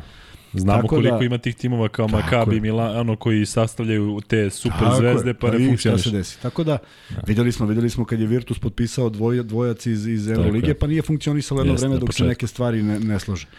Na kraju su zasluženo osvojili taj Evrokup, da, e, e, i, i kod Atamana još. I zaista sam mislio da je to sve neki proizvod ovaj, nekih srećnih okolnosti, međutim, zaista učinio je sve da demantuje, iako i dalje sumnjam i ne mogu da prihvatim da je to bilo zagrevanje za Final Four, to isto malo sutra, zato što da su Rusi ostali jedino ko je znao tu informaciju pre svih nas da će da ih eliminišu, jer bi FS bio u ozbiljnim problemima, s obzirom da bi Fenerbahče bio umesto Efesa koji je bio peti posle tog momenta, tu bi bio Fenerbahče, a Efes bi morao da juri osmo mesto i videli bi kako bi to izgledalo kad nešto mora. Prema tome, nisu oni ovo planirali, zasluženo su osvojili u jednoj utakmici koja je za mene izuzetno čuda. Čudna što se Reala tiče i njegovog odgovora u posljednjih 7-8 minuta. Neobjašnjivo loše, neobjašnjivo bez fokusa. Koga ne mrzi nek pogleda, ali pričali smo o toj utakmici. Tako da ovaj, zaslužili su igrači Efesa. Kogod je došao dotle zaslužio da se razumemo. Naporna sezona i e, za moj ukus previše utakmica i, i, i jer želim da mi sva, da svako koji gledam bude kvalitetna, a ne može, ona ne može prosto po logici stvari, naročito nekad su one duple nedelje pa putuješ kraja na kraj i onda tu isto gledaš u neki ti onda tu gledaš u neku srećnu okolnost da li su ti utakmice možda kod kuće, u, to je super, ne putujemo nigde ili Jeste. su, znaš, to Da, kako se deli, Pa da, da. mnogo, mnogo faktora Mnogo koji nisu košarkaški, da. Seti se sezone kada je, kada je Himki bio prvi posle osam utakmica. Sve su igrali kod kuće. Mislim da su imali jedno gostovanje. Pa to, to, to se nikom nije desilo. I nisu Kasnije ušli na dolazi, kraju u Pa na kraju nisu, pa zašto dolazi, dolaziš u problem posle. E, kratko, Kuzma, ulazimo u fazu podcasta kada moramo da skraćujemo odgovor, iako će ovo biti najduži podcast sigurno, ali kada bi recimo ti pravio format Euroligi, kakav bi napravio? Ja bih vratio grupe.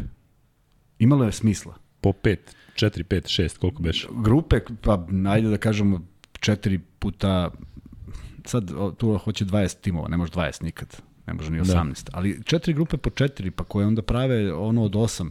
Znaš zbog čega? Sad ću ti reći. Imao si neke ambicije, uložio si ovaj, uh, novac. Kreće sezona, iz hiljadu razloga ti ide loše. I došao si na polovinu sezone ove sadašnje ovakve ligaške i imaš uh, 3 14. I nema izlaska. Nema, nema izlaska. Ti moraš da igraš do kraja. A dešavalo se ekipama da imaju loš skor. I ti si onda prinuđen da igraš. I te utakmice nisu, nisu kvalitetne. Ovako bi ti se desilo da ne bi ni došao 3-14, nego bi ispao i da. posvetio se nekim drugim stvarima i o, o, malo osposobio ekipu za nešto drugo, pa napao nešto drugo, pa osvojio neki trofej. Ovako, Bilo je mučno ko Žalgiris ove sezone. Tako ljudi, je, jedan, tako je. 13 i šta, Tako šta, i šta rade. I igraju, da. igraju, igraju i to, znaš, ne vodi ničemu. Tako da ja, ja sam voleo onaj sistem koji nije mnogo gubio utakmica. Ovde sad ide se na varijantu što više utakmica, ali nema gde da se stave. Jeste. I to, I to ako pričamo o Bartomeovoj viziji, a to je 20 klubova, tek to mi nije jasno gde da stane. Znači još dve nedelje treba da se ubace, pa najbolje da igraju svaki dan. A ne može, ne može u sistemu u kojem mi funkcionišemo, radimo i u kojem su obučavani igrači, a to funkcioniše.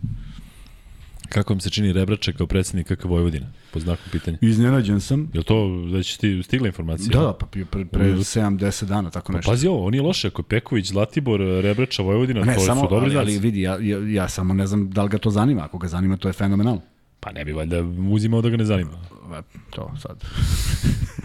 ne možemo da garantujemo. Da. Ne, ne znam, Rebrača nigde dugo nije bio. Ima, ima Jest. neku svoju akademiju da rade neki pristojni treneri i sve to lepo reklamiraju, ali, znaš, pred, e, šta znači predsednik Vojvodine? Kako šta znači? Pa treba da... Predsednik Vojvodine? Pa da, treba sad privuče novac. Pa jok, nego šta je, došao je da, da sedi tamo u kancelariji i da... Pa, o. Slažem se, ali vidi, generalno, generalno, košarkaši nisu dobri menadžeri. Jeste, to je istina. Znaš, možda imaš neke sposobnosti. A on je bio, on je bio van, van svega dugi niz godina. Mislim, ej, da se razumemo, mnogo mi je draže da bude on nego neki anonimus koji gleda to iz druge priče. Nije hoće da, da, da, tako da uzme lovu. Ali ako je čak i marketinški dobra je stvar, ajde vidimo šta će se desiti. Ajde da se desi nešto dobro, a ne da se desi jedno dobro, nešto dobro jednu godinu. Uh, kad, si, kad si kod toga, ima jedna, ima jedna fantastična stvar koja se dešava unazad 30 godina, ja ubeđen sam, u, u Savezu. Tačnije u, u ligama. Uh, kad, god je, kad god se pojavio neki klub u kojem sad neko želi da po svaku cenu uđe i onda dođe do odluke da se taj ipak, da se da ne ispadaju dva, nego da i taj uđe. Jer znaš da jedan kroz jedan, taj ništa nikad nije uradio. Taj zbog kojeg ti sve napraviš, to proširiš, uvek je bila neka havarija. Tako da na kraju se ispostavi da, da, da, da, da nisi zaslužio. Ali, aj vraćam se na Vojvodinu. Vojvodina Tavari dugi niz godina je jedan klub koji nema, nema neki konkretan cilj, a bili su, bili su u Jadranskoj ligi. I ako pričamo o toj Vojvodini, ja sad ne znam koja je Vojvodina, da li ove, ove, znaš, ima ih više. E, ali ovaj, uh, ajde da vidimo da li će nešto da napravi, da li će da pokrene te ljude u gradu, jer je neverovatno da nema stabilnog prvoligaša dugi niz godina. Posljednja titula je Dude Ivkovića iz 80. godina. Uh, BFC igrao košarku kad je Vojvodina bila ispod, ispod BFC. Vojvodina nikad nije bila bolja od nas u tom periodu. A da. strašno je da Vojvodina, a u tom trenutku je bio Vojvodina, BFC koji do duše dolazi iz Beočina, NAP, Slavija, Radnički, mislim, i suviše klubova za jedan grad koji nema da. jednog. To je isto i u Kragujevcu. Ko je Radnički iz Vojvodine. Radnički iz Novog Sada da bio. Da, da. da, da. I onda imaš i onda imaš kao u Kragujevcu, ko je bolji zastava ili ili i Radnički Kragujevac. A da li su oba u C ligi nema veze, nego samo da da da ko će koga da pobedi. Pričano mi Lončar u Kragujevcu pa kako da, je kako, kako je došlo došlo.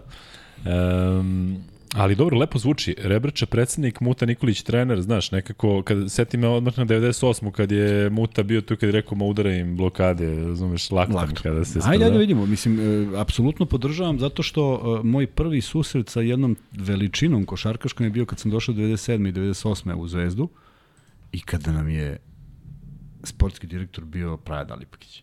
Sad sediš na klupi s Prajom Dalipakić. Mislim, samo što sediš je već fenomenalno. Ja sam bio za to, ja ne znam zašto je on otišao u negde u pola sezone. Ne, nečim neko nije bio zadovoljan, ali Praja otvara sva vrata. Jeste. Mi uđemo u salu, svi padnu u nes. Pa zato ti treba, mislim. Da.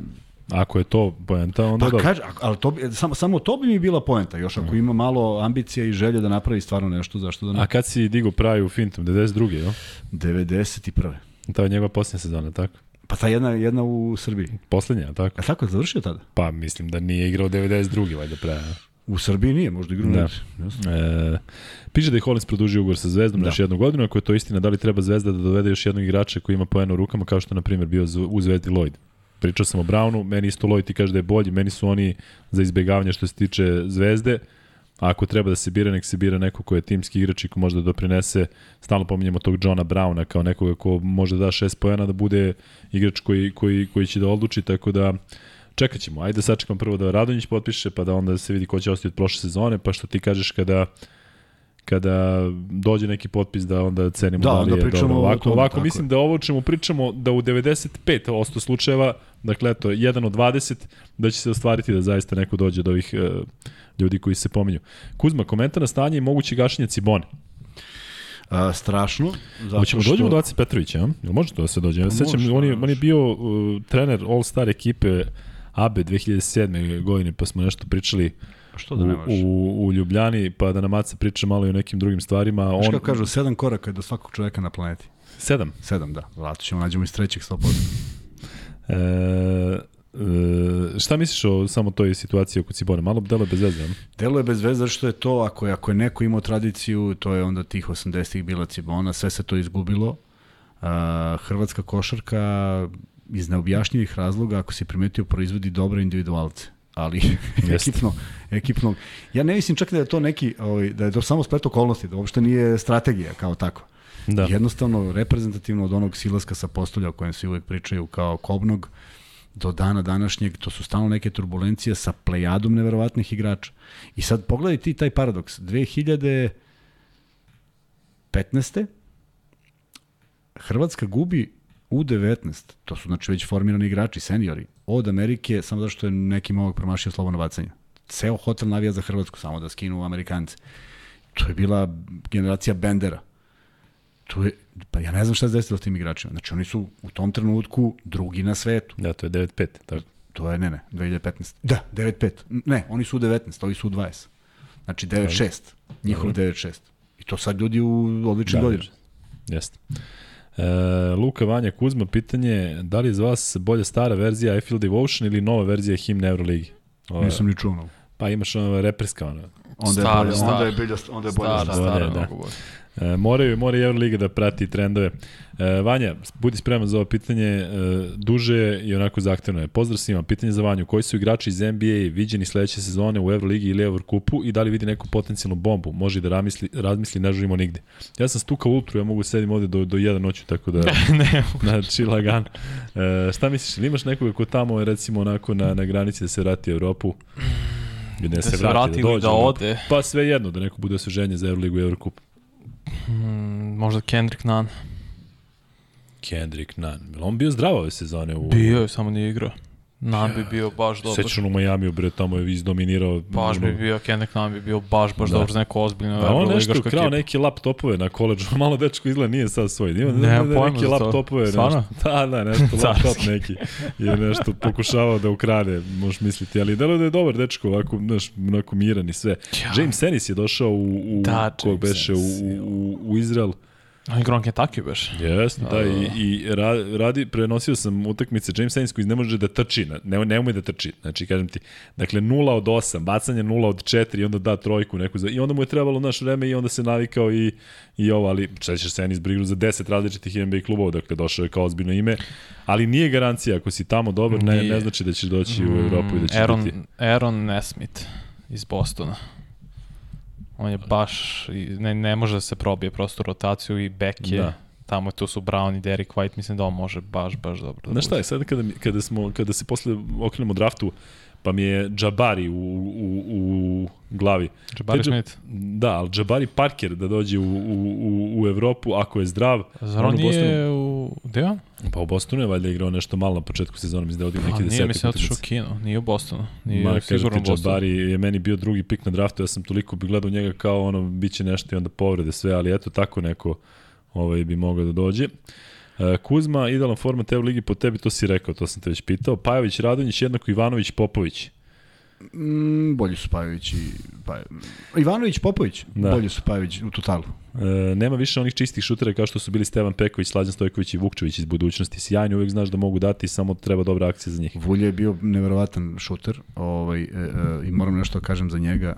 Znaš kad imaš igrača koji o košarci razmišlja za vreme treninga. Čim se završi trening, njega to apsolutno uopšte ne zanima. Ali na treningu je 140%. Znači, dakle, da sam mu trener, ja bi bio oduševljen što imam tako igrača. Nikada nije prigovorio, nikad nije radio sa, da, da, nikad nije radio sa 60%, nikad ništa. Dovoljno drčan da ako mu dva puta uletiš, on to vrati, nije sporno. Ali to kad se završi trening, on uopšte nije više čovek kojem ti sad tu nešto pričaš o košarci. I bio je izuzetno, ovaj, kažem, vredan i, i imao je taj dobar šut, ulaz koristio po potrebi, redko izmišljao on neke driblinge i nešto što mu nije išlo u ovaj u što mu nije išlo od ruke tako da mi je ostao u, dobrom sećanju. A gde on? je? On je nešto vreme, jedno vreme bio u budućnosti. Pa bio, neki- ali sad je u Podgorici, ne, ne, ne, ne verujem se bavi košarkom, nego sam teo kažem jednu stvar, pričao o poenima u rukama, pa me zanimalo i pre podcasta, a evo sad sam iskoristio da vidim e, Dobrićev procenat za 3 poena, 41,6. Dakle, profilisati Dobrića kao čoveka koji treba da opali apsolutno kad god je sam, jer, kažem, i kad promaši meni je sasvim okej, ta lopta lepo leti, mnogo puta ne uzme šut, mnogo puta se optereti i razmišlja da li da sad ako promaši ili nešto. On mora da bude taj jedan, da vidiš kako će drugačije da bude i da li će biti potreban taj neki šuter. 41,6 to znači da je to prilično, prilično dobro. Da. E, šta mislite o Gregoriju Glasu? Nadamo se da će biti na onom nivou na kojem je bio mesec dana kad je u Partizanu bio. Tako je, njemu se nešto desilo, to je da. Obradović, ono što smo pričali o Muti, video nešto, odjednom je dečko upao u petorku, bukvalno, odigrao izuzetno, onda je nestao, onda je bio sporadično, tako da to sve isto zavisi kako igrač prihvati neke informacije, a mislim da ih je bilo mnogo za njih sve ove godine. Gde je Anthony Miles iz čuvene zvezdine sezone sa Uvalinom imao je 45%. E, sećaš Anthony Miles? Nema šanse. Sećam se da je bilo neko zvezda igrala svaku utakmicu na, na trocifren broj poena. E, ni Uvalina, ne znam gde je Uvalin, da, da li uopšte radi, gde je šta je. Sećaš se da je jedno vreme bio, ovaj, koliko ima, ima dosta godina. A Luka, da li SK radi Eurobasket ili to ide na RTS-u? Radimo mi e, Eurobasket, e, pa ćemo vidjeti šta će biti s RTS-om, da li ćemo im dati nešto. E, ali šalim se, vidjet ćemo ovaj, kakav je dogovor. Mi imamo pravo na evropske i svetske prvenstva do 2029. radimo sve kvalifikacije što se tiče svetskih prvenstva, tako da Radit ćemo čak i prijateljsku utakmicu sad za vikend Italija, Slovenija, a, a Dončić igra za Sloveniju, tako da biće vrlo zanimljivo. Nemanja Dangubić i Dušan Miletić bi uskoro trebalo da nas, napuste Partizan. To je neko napisao, to je piše negde isto. Da. Uh, logi, logično, mislim, za Miletića stvarno nisam ni znao da je tu, a Dangubić je izgubio neki svoj status. Žao mi je, jer, jer, jer, jer, jer je pre svega vrlo vredan momak. Da li on može da ispuni te neke zahteve, ne znam, nisam ga trenirao, ali apsolutno je uvek bio pozitivan, uvek je davao neki svoj maksimum. Uh, mislim da mu nedostaje s jedne strane da, bi, da je trebalo da je u godinama u kojem ima iskustvo. Da, meni, je ostao, meni je ostao zabeležen jedan moment na utakmici gde njemu stvarno već onako ulazi u onu seriju kad mu ne ide mnogo toga i on je na 45 stepeni, ne mogu setim protiv koga je Partizan igrao, izlazi čovek, on finta, ovaj proleće kao iz puške i otvoren je put. Sad zamisli koliko njemu lako da se zaleti da zakuca. I on desni dribling i step back Just. na trojku i promašuje. I u, Prošle godine ili ove? Ove, ove. I promašuje, promašuje nešto što uopšte nije trebalo da uradi. E, to, to, Jeste. to igrač godinama mora da stekne iskustvo. Kad ništa ne ide, ma ideš na najsigurniju varijantu, pa... Ma da, vidi se da je nesiguran, to je proizvod nesigurnosti, nesigurnosti zna, dakle to, on je za da, nameru da to uradi da, da, po svaku ovaj, cenu. Ovaj da. mu olakšao sve Tako to, ali umesto da, da, da ode da zakuca. E, uf, koliko pitanja ima, momci, ostaćemo ovde dugo. Topalović je na Zlataru, a ne na Zlatiboru. Šta kažeš ti, Vanja? Ko je rekao da ne? Nemoj da ostajemo dugo. Da ili, dokle imaš ti, Vanja? Dokle... Do pre pet minuta. Vodit ću te ja gde god ideš, ako ideš gde god, ne brini ništa. Završit ćemo. A, ma nije mu ujutru snimanje. Radim bre u pet odbojka, Holandija, bre, ovo, ako neko treba ovde da žuri, to sam ja, bre. E, da li ste to, za to da White ostane ili da se dovede novi igrač? Ja sam za to da, da ide. Ne vjerujem da njegova sledeća sezona bio skroz zdrav, može da bude mnogo bolje od ove. Ja mislim da može. E... Ja mislim da može, ne treba ga se odreći. Opet sam mi pričamo nešto, da li on ima na 17 godina ugovor ili na jednu, mi to ne znamo. Tako je. Ali mislim da bi da bi da, da je on dovoljno dobar za ono što Zvezdi treba, to je ta neka promena ritma da je on moramo da znamo da kad je prelom, polomio ruku, nije to više isti ulaz pod koš sa istom, Pričali istom, smo istom puta, da. energijom. Da. da. Ali, e, da, da je, da je onaj White iz e, pa, Zenita i iz da. Žalgirisa super. Svi, e, ali, što ti gaš pamtimo, da, znaš. Ali ajde sad da kažemo ko, ko, ko, ko su ti slobodni igrači, te vrednosti koje možeš da dovedeš. Možda nema to kalibra, možda ima, možda ima neko ko je duplo skuplji. Mislim, moramo da. znamo, morali bi mnogo da znamo šta je na tržištu da bi mogli da pričamo o tome šta je dobro. Šta kažete na mogući odlazak Kalinić u Barsu? Nisam od početka na ovo, pa ne znam da li ste na tu temu pričali, jesmo. E, Sad, premotaj, da. nećemo ti kažem. e, vidim da je Laković otpustio Enisa, mislim da nije za Zvezdu i Partizan, ali vaše mišljenje? Ja mislim da nije. Mm, mislim ja da nije. Luka, šta kažeš na trio Vilbekin, Dekolo, koji ostaje i izgleda Gudurić, tri ball handlera, e, mogu imati opasan protok lopte, nešto slično kao Efe sa Vasom, Šejnom i Krunom. E, Vilbekin i, i Dekolo, nešto Biće mi... Biće to čudno, a dobijaju trenera... Ko je trener? Ko je trener Fenerbahče i Tudis? Da, i Tudis, da. A dobijaju trenera koji ima problema sa Jamesom. Sad. Pa što je najgore, nije imao problema sa Jamesom, on ga je tri puta vraćao. James igrao dobro. Pa, dakle, ja dobro, tu, tu nije problem. Na kraju otišao. Ne, kao što svako ima problem da, sa Jamesom. Na kraju je otišao, nema veze. Jeste. E sad trebalo to ukomponovati, vidjet ćemo. Uh, Wilbekin, izuzetan igrač, Ja bih voleo da je on vodio svoje ekipe do nekle, a ne dokle ih je doveo, nego malo više, jer on je trebalo da bude prevaga protiv Reala, a ne da ih Real oduva 3-0. Čuju u poruku, e, Aleksandar Rnjak, čekamo drugaru Draganu 18. rođendan i igramo i pratimo basket, ako može čestitke i pozdrav, samo tako nastavite. Koga, kome treba čestitke? E, Draganu 18. rođendan. Ajde, trebalo da kažeš i prezime, pa bi onda imalo... Dragan je srećan ti rođen. Eto, i samo cepajte basket i uživajte. E, sad svi ovde čestitiju Draganu, dakle, da, da. Šta mislite o propadanju balkanskih klubova? Pa, toliko ti opšte pitanje da, da možemo da imamo ovaj... Balkanskih? Da. Uš, pa, ej. pa verovatno misli na Cibonu, pa, na, na Bosnu, pa, na, pa, vidi, na MZT. Na, tako, na... tu je, neko, tu je neko pričao da postoji taj problem EU, porezi, Jest. neko pa do, ne postoji baš... kod Makedonca, zašto MZT ne, više? Ne, ne, ali čekaj, ima i negde u Evropi da to funkcioniše, znači da. nađe se model da funkcioniše kad treba da funkcioniše. Ja ne mogu prosto da zamislim, da, došli smo bili do Cibone pa smo prestali, da neko želi da neko ne želi da drži ta, tog, ta, taj klub sa svom tradicijom koju ima. Da. Meni to potpuno nejasno. Bogdan Mirković kaže nije muta trener više, sad je neki mlađi momak što je bio pomoćnik. Pa dobro, Dobro, moguće, smo da. E, kaže Vuk, za ono malo pre, da Ataman e, ulazi kod frizera, odnosno kaže šišaj me na Atamanku. dobro, dobro, Dobro, dobro. Da li u budućnosti vidite Luku Dončića koja MVP regularnog dela sezone? Apsolutno, pitanje je samo koja će godina biti. Srpska petorka od igrača u Euroligi po vašem mišljenju. Ajde Kuzma. Srpska, petorka od igrača u Euroligi. Pih. Micić Kalinić, Da, šta imamo na centrima? pa Milutinova računamo ga da je Milutinova. Milutinova, tako je. Lučić neki, ja? Lučić na trojici. Vuk, kakva je, kakva je ekipa. Dobro, dobro. I četiri, i četiri. Moj Davidovac. Tu uopšte, Uopšte nema, nema priče, a? tu uopšte nemam ovaj dilemu. Da, šta i kažete na borbu Aci Petrovića za spas Cibone? Ma da, Aca je očigledno se jedini bori, tako da želimo, rekli smo, želimo mu da bude dobro. Mogli bi da pozovete neke legende ili pričate o njima kao što su pokojni Pive Ivković Slavnić, pa čak i Aca Nikolić, o kome se ne priča dovoljno. Ćale mi je pričao i o Gornom Miljkoviću Fincu sa krsta.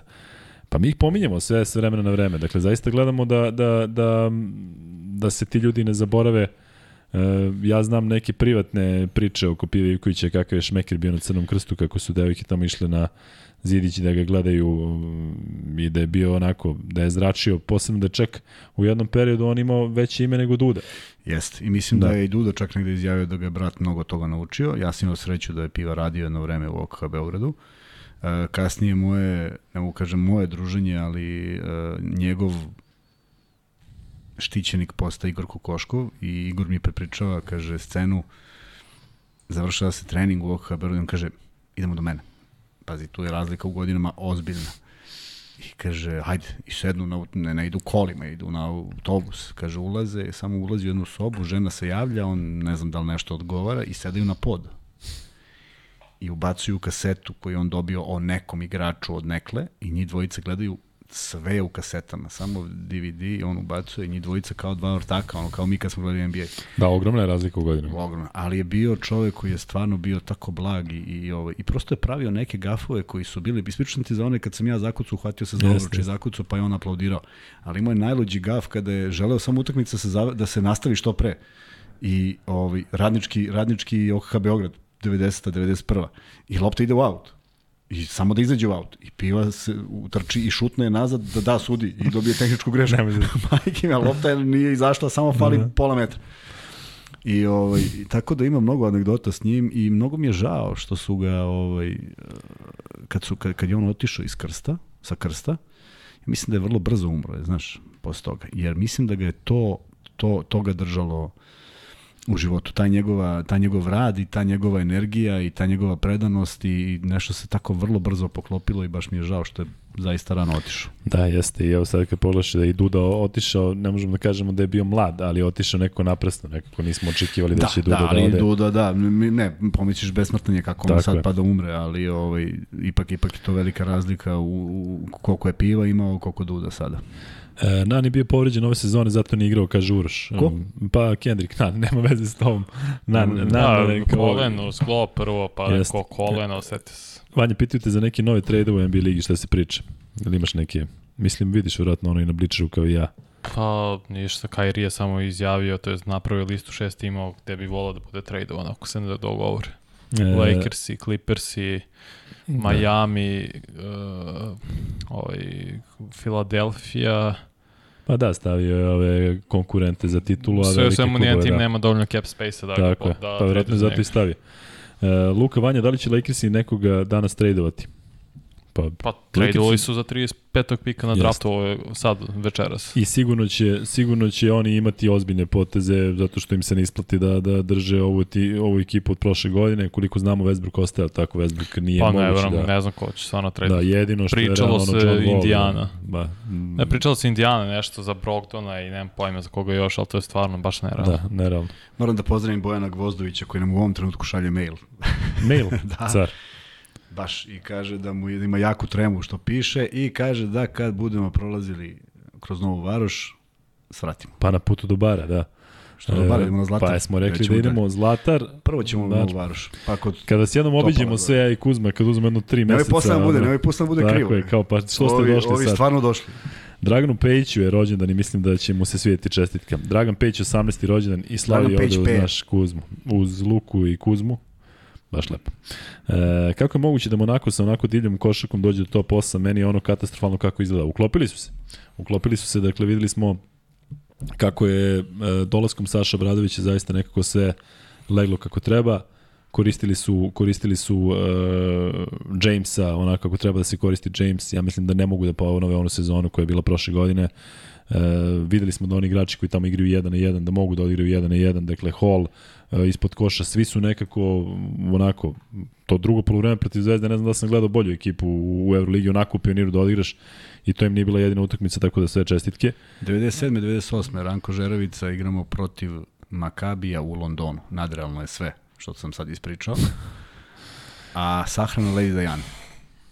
Dobro. Znači prolaze pored hotela. Ovaj, mi treba da igramo utakmicu i neću zaboraviti rečenicu, kaže e, ako vam dam najbolji sistem, apropo ovoga kako je pobeđivo Monako, i vi njega ne verujete, nećemo pobediti. Ali ako imamo sistem u koji svi verujete, e, to se desilo Monaku. Imali su sistem, koliko god on nama izgledao ovakav ili onakav, znalo se ko šta radi i zato su zaista bili tu. Ne zato što su oni pogađali bez veze palo nekom na pamet samo da šutne, nego jednostavno tu se našla neka hemija koju očigledno nije imao u CSKA i došli dok su došli. Da li će se Panathinaikos već jednom dići iz pepela, meni deluje da je ono ne, dublji ja mislim kanal. da su oni odustali od svega toga. Tako je, pa znamo i kako je bilo, kakvih je problema bilo i na nivou Euroligi i sve. Mislim da njima više nije. Onako, ko što smo rekli da u budućnosti više nema te energije, onako među navijačima nekako je sve to palo. Nije nekako palo. je palo, mnogo su, mnogo su pali, ne znam kako će se oporaviti, a nekako mi deluje da više smišljaju kako da izađu iz ove Euroligi nego Da. kako da budu konkurenti.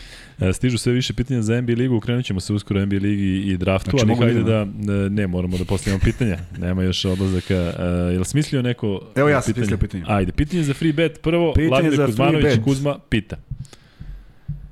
All-star igrač iz mog vremena, Dobro. sa brojem današnjeg podcasta, prvak NBA lige i tri puta član All-Star. Odakle? E, odakle sad? Iz Alabama. Ne, misle, ne, nego misle za tvoj... E, Mislim, dok sam ja tamo pratio. pa da, nego ti im odmah povezuju misle Beobanka. Dakle, ajde još jednom. Dakle, broj 41, Što si rekao koji broj? pa zato što ljudi... Broj 41, osvajač titule, tri puta igrač All-Stara u periodu od 92. do 2002. igrao. Od 92. do 2002. Pa da, igrao je. A, ti misliš na... Na tog. Ne, ne na ovog, nego na tog. Ne na ovog, na onog. Da, da, dakle, ajde da im pomognemo još malo ljudi, ja? Ajde da igramo, da kažemo da je igrao, da je tu titulu osvojio kada nije bio član a, idealne ovaj, All-Star utakmice. I, I pa i sad osvojio. kosku, i, e, ne kosku, nego u pomoć. Na All-Staru u Clevelandu, ja mislim, je, Je bio- oborio Tako je. e, rekord Vilta Chamberlaina po broju poena u jednoj četvrtini. Eto. Nije Dirk. Novicki, nije Dirk Novicki, svi ovde pišu Dirk Novicki, nije, već e, e, moramo da ubrzamo da, da, bismo, da bismo završili Ništa, pa šta da ubrzamo, pitaj drugo Kaže gde je Preziva se- igrao. Preziva se Pirinač. Kaže, A, treba da kaže gde je igrao. gde ljudi moramo da idemo kući, bre, šta je? Vance, Igrao je- Vance Sansel, evo još Igrao je u Miami. Pa igra u Majamiju, igra u Lakersima, igra u Charlotteu. Igrao je svudi. Jaka Blažić u Zvezdi kao pojačanje, rekli smo hiljadu puta, ne baš, Da. tako. E, Kuzma prvi put u, ži, u životu pogodio outfit. Prvi put, pa ja se ovako stalno obličam. Kuzma je uvijek u istom. Ovo mi je da. sedmi put da sam u ovoj Da. košulji. E, e, Clippersi sledeće sezone, Vanja, mišljenje o njima pre nego što pređemo na draft. Ozbiljan konkurent za Warriors ako su zdravi Paul George i Kawhi Leonard. Da. Još što dođe Kairi. E, kad smo, Tako. kad smo kod outfita, jel to namerno piše London ili, ili ostalo L? Pa kad sad kad si ti po, po, pominjao da Janu, pa onda sve se srušilo. Da vidi stvarno. A ovde nije bilo L, nego vidi R. kako mikrofon stoji. E, košarka mikrofon stoji, da se 24 ne vidi. je pogodio. Ko? Košarka Košarka 24. 24. Bravo. Čekaj, ne vidim ovde uopšte. Košarka 24 šalji... Uh, Ajde. Me možda meni stiže brže, zato što sam preko kanala. Va. U, ima opa, bato, internet. znači imamo brži internet, brži kom, Znači, brže možda nam sve. se završila emisija mi Koji ti je poslednji, koji ti je poslednji komentar? Meni je A, Nebojša Milutinović. Posle toga tipa Steelers. Filip Gavrilović, pa onda koji je pogrešio rekao James Posey, pa je košarka 24 napisao Glenn Rice. Košaka 24, dakle šalješ, uf, evo sad stižu svi, E, šalješ na e, Instagram Luka i Kuzma ID naloga Max Bet i bit će ti uplaćeno 1000 dinara. Vanja, imaš pitanje za free bet? Imam. Ajde. Ko je draft bio poslednji kada su prva tri igrača bila freshmeni, da su izabrana na prve tri pozicije? Jebot, mi ćemo otići kući u 2.15. A još jedno, molim te, ja, je, ja, ja, Kada je bio poslednji draft gde su prve tri pozicije koje su bile, znači prvi pik, drugi i treći bili freshman igrači? Freshman igrači znači igrači koji su odigrali jednu godinu u koleđu. Ne, ljudima da Znači, ne ne znam. bajati. Da, e, čuli ste Vanjino pitanje, ja neću znati da ga ponovim, a, a, ti ćeš, a ti ćeš da mi kažeš kad izađe, rećeš mi da je tačno. Važi. Dakle, e, to je drugi free bet i onda ja imam treći free bet. A imamo najviše, imamo baš mnogo gledalaca online. Da li hoće da se kladi ili šta je, ali Koliko hoće ih? ljudi da ostanu. 260 i kusur. O, Tako da raste. Kako prolazi vreme, Napredak, raste. napredak. Da, Da, nikad e, neće pogoditi, bukvalno. I ako žele od mom out- outfitu da nastaje slobodno, ostaćemo Tako koliko je. treba. Da. Sa sve to nogom. Sa sve nogom ovde između, između šolje i da nam se ultra povuče, znači, treba tek da obavljamo sastanak. E, Luka, Vanja, ocene za sezonu Chicago, očekivalo se više ali povrede učinile svoje, da li mogu do druge runde ako se Kostor tima zadrži? Ja mislim da mogu, ali mislim da je ovo bilo očekivano, dakle da nije bilo realno da oni pogode da taj regularni deo sezone pre, prebace u... u Mislim u, da je ovo bilo sasvim zadovoljavajući playoff odigran, nisu odigrali svi dovoljno utakmica, mečeva zajedno da bi se stvorila neka hemija, mislim da će sledeće godine biti bolji, a Bogdan Mirković je pogodio. E, Bogdan Mirković, šalji Bogdane, ti si danas bio baš aktivan, dakle 2017. je Tako je, odgovor... full e. E, šalji, ne, Bogdanu ne možemo da pošaljem. Lekošaka 24 kaže nije potrebna nagrada. Daj da vidimo ko je drugi, ko je drugi. Vanja, ajde samo vidi gore ko je drugi stavio stani, stani. Šta nam radi? Saša Marković. Saša šalji ovaj na Luka Bogdane, Kuzma. šalimo se i ti šalji. Instagram, Bogdane šalji i ti, ma Bogdan je naš čovjek, nema šta. Luka Vanja, ako bude Jović e, u 20 na draftu, e, neće San Antonio nego Toronto Raptorsi. Dobro, pa tamo baš e, ne znam kako će da... da... Vidio sam da pitaju kao Jović u Milwaukee. Trebamo ipak tim gde može da raste. Milwaukee ne može da raste. Neće Pa, da, da, da nema igra baš više šta od... se razvija, tako. Da, ali eto, navijamo za Jovića, vidjet ćemo kako će izgledati ove večeri. Ovaj, kad smo kod Bogdana, znaš koliko Rumuna ima ime Bogdan? I bilo Koliko je vrlo Rumuna ima ime? da. Je to za free bilo je bet? vrlo interesantno, da, to je, ali tačno moraju da Da. pogledaju, ne otprilike. I, ovaj, I pitao sam, pa dobro, jel znate vi šta to znači? Pa kaže, naravno da znamo, Bogom dan. Pa da, rekao na našem, pa kaže, nama se dopada. Neverovatno koliko ih ima. Bogdan. Bogdan, a? Bogdan. Pa ima i Bogdanov. I Virgila sam upoznao za ceo život. Šta si upoznao? Virgila. Virgila? Da. Mnogo Virgila. Aha. To Ko je, gde? ko je poreklo tog imena? Otko znam sad baš. Virgil. Virgil. Ja ne znam nijednog. Ne znam nijednog sad kad bi morao ono poznatog Virgila. Pređi, pređi u Temišvar i... Virgila, Virgile. Virgil Abloh. E, dobro, podeli smo dakle dva free beta i ostaje ovaj treći ja da postavim. Ajde ovako.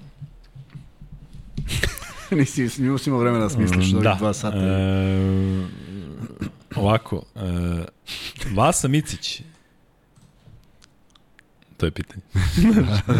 e, Znak pitanja. Vas sam misli znak pitanja. Ne, ajde pominjamo toliko Vasa Micića, pa, pa nabrojite četiri, nabrojite pet klubova gde igrao Vasa Micić. Eto. Dakle, zato što sad svi znamo FSV, ali nabrojite pet klubova gde igrao Vasa Micić za treći free bet ko uradi prvi dobit će 1000 dinara. Nisam, nisam slučajno ovo rekao, zato što ima i oni klubova gde je bio kratko i sve, govorili smo Žalgiris, Efes i eto, nek ljudi malo ovaj, Dobro. se bave time. Prelazimo vanje na draft. Ajde ovaj... Uh, um, E, ono što očekujemo, dakle, da krenemo naravno od prvog pika, Orlando, ja mislim da će 100% birati Džabarija. Očekuješ? Pa ja isto mislim da će biti Jabari Smith koji je stvarno za svoju visinu tako lep šut, ima možda i najbolji šuter pored uh, AJ, kako se zove, sa... Sad ću zapisao sam. Pored AJ Greena, ovog uh, krila sa Djuka, prosto toliko lep šut ima, ali nije samo šuter, podsjeća na Michael Portera, Jeste. ali igra odbranu. Igra odbranu, Što je jako bitno vrlo je, danas. vrlo je odličan odbran i možda ne, ne ume toliko da kreira svoj šut kao, na primjer, Paolo Banquero, koji ja mislim da je ubedljivo najbolji igrač na ovom draftu, ali tu i brze noge i atleticizam i stvarno i ogroman raspon ruku, Jabari Smith može bude all-star nivo igrač u ligi. I pre bi njega izabrao nego Chet Holgrama. A što, što ne bi Hol- Holmgrena? Vidim da svi govore o njemu kao, eto, mnogi misle da je on najbolji igrač na ovom draftu. Never, on, vrlo specifičan njegov talent i on ima lepšu za 3 za tu, njegovu visinu koja je preko 2.10 Da, on je i 2.14. Da, i o, ima taj brzi e, drugi skok, što se, to je odlično što se tiče blokade i stvarno o, i super brani reket i sve to, ali njegov ono, frame, meni je to previše malo, mnogo je mršan, nije da, mislim i njegovi roditelji su govorili i treneri, kao nije da on ne ide u teretanu i da ne jede puno, da. nego prosto je to stvar metabolizma, ne može da nabije toliku uh, masu koja je potrebna i više ne podsjećam tipa na Porzingisa, nego da će biti Jay Bilas, je rekao ga podsjeća na Janis ili na Durenta. Da. Jeste vrlo uh, vešti sve to za svoju visinu pogotovo, ali Durant je na koleđu na tekstu beleže 26 pojena po meču.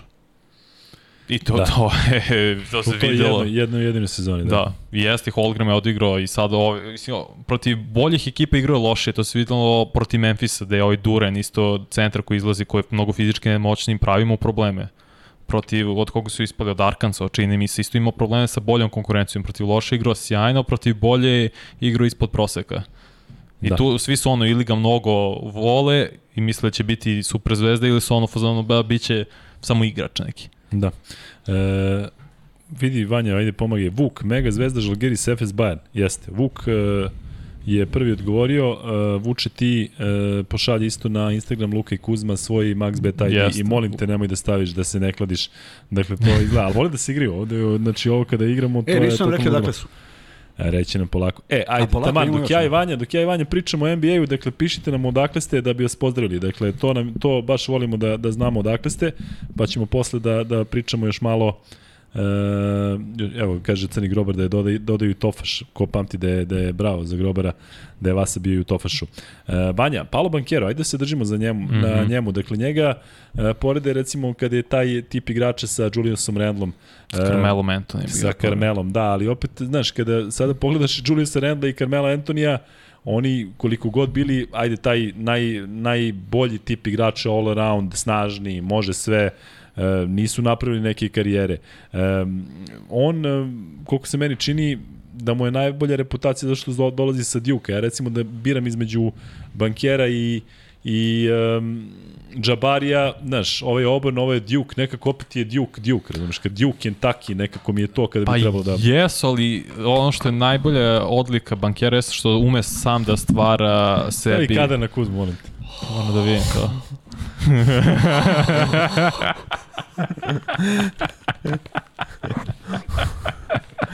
Ne, ne šta je trebalo? Trebalo da ti ne kažem da staviš ne. kameru Kuzmo, da ga pustimo da malo da. sedi ovako, znači, mogu da zaspi. Znaš da niko to nije da. na glavu stavio. Tako je. E, ume da kreira e, šut za sebe konstantno bankero da. i vrlo je dobar uh, dodavač, to se ne vidi, on je stvarno dosta i prilika stvarao za saigrača, jedini problem jeste na drugoj strani odbrana nedovoljan trud u odbrani.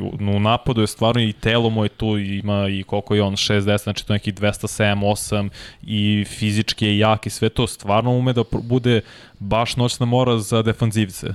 Zato što je toliko i vešt i kaže, glavna odlika je što može da stvara za sebe konstantno poene. Da. I to je na jednom elitnom nivou. Zato ja, meni se sviđa i on je odveo Duke do finala. Jeste. Ali prosto posle nije mogao više. Uh, Jaden Ivey, mnogi ga porede sa Jamorantom, ja mislim da je, da, je, da je malo sada to uh, pod hajpom za Jamoranta, nije realno da se pojavi novi Jamorant. Nah. I vidim da je e, najrealnije da možda završi u Sakramentu, ne zvuči to loše, dakle, oni i Diaron Fox da, da jurcaju po terenu, sada imaju Sabonisa, tako ali... Je.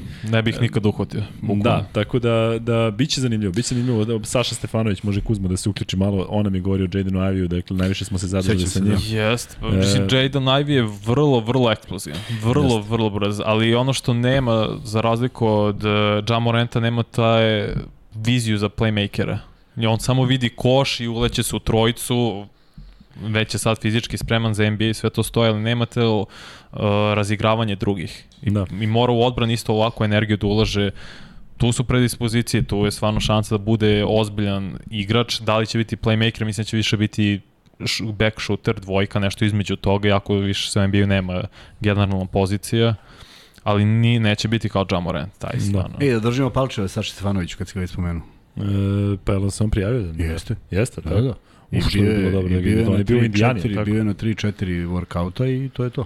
Da, nadamo se da će Stefanović da bude izabran isto i za Brajkovića i za Pavlovića, ajde da se nadamo da će biti da će biti birani u nekom trenutku. Uh, Vanja od ovih ostalih igrača, ili ima neko koga bi izdvojio recimo taj Keegan Murray ili već uh, Shadon Sharp. Ovaj nazovi ruki što nije igrao na Kentucky uopšte.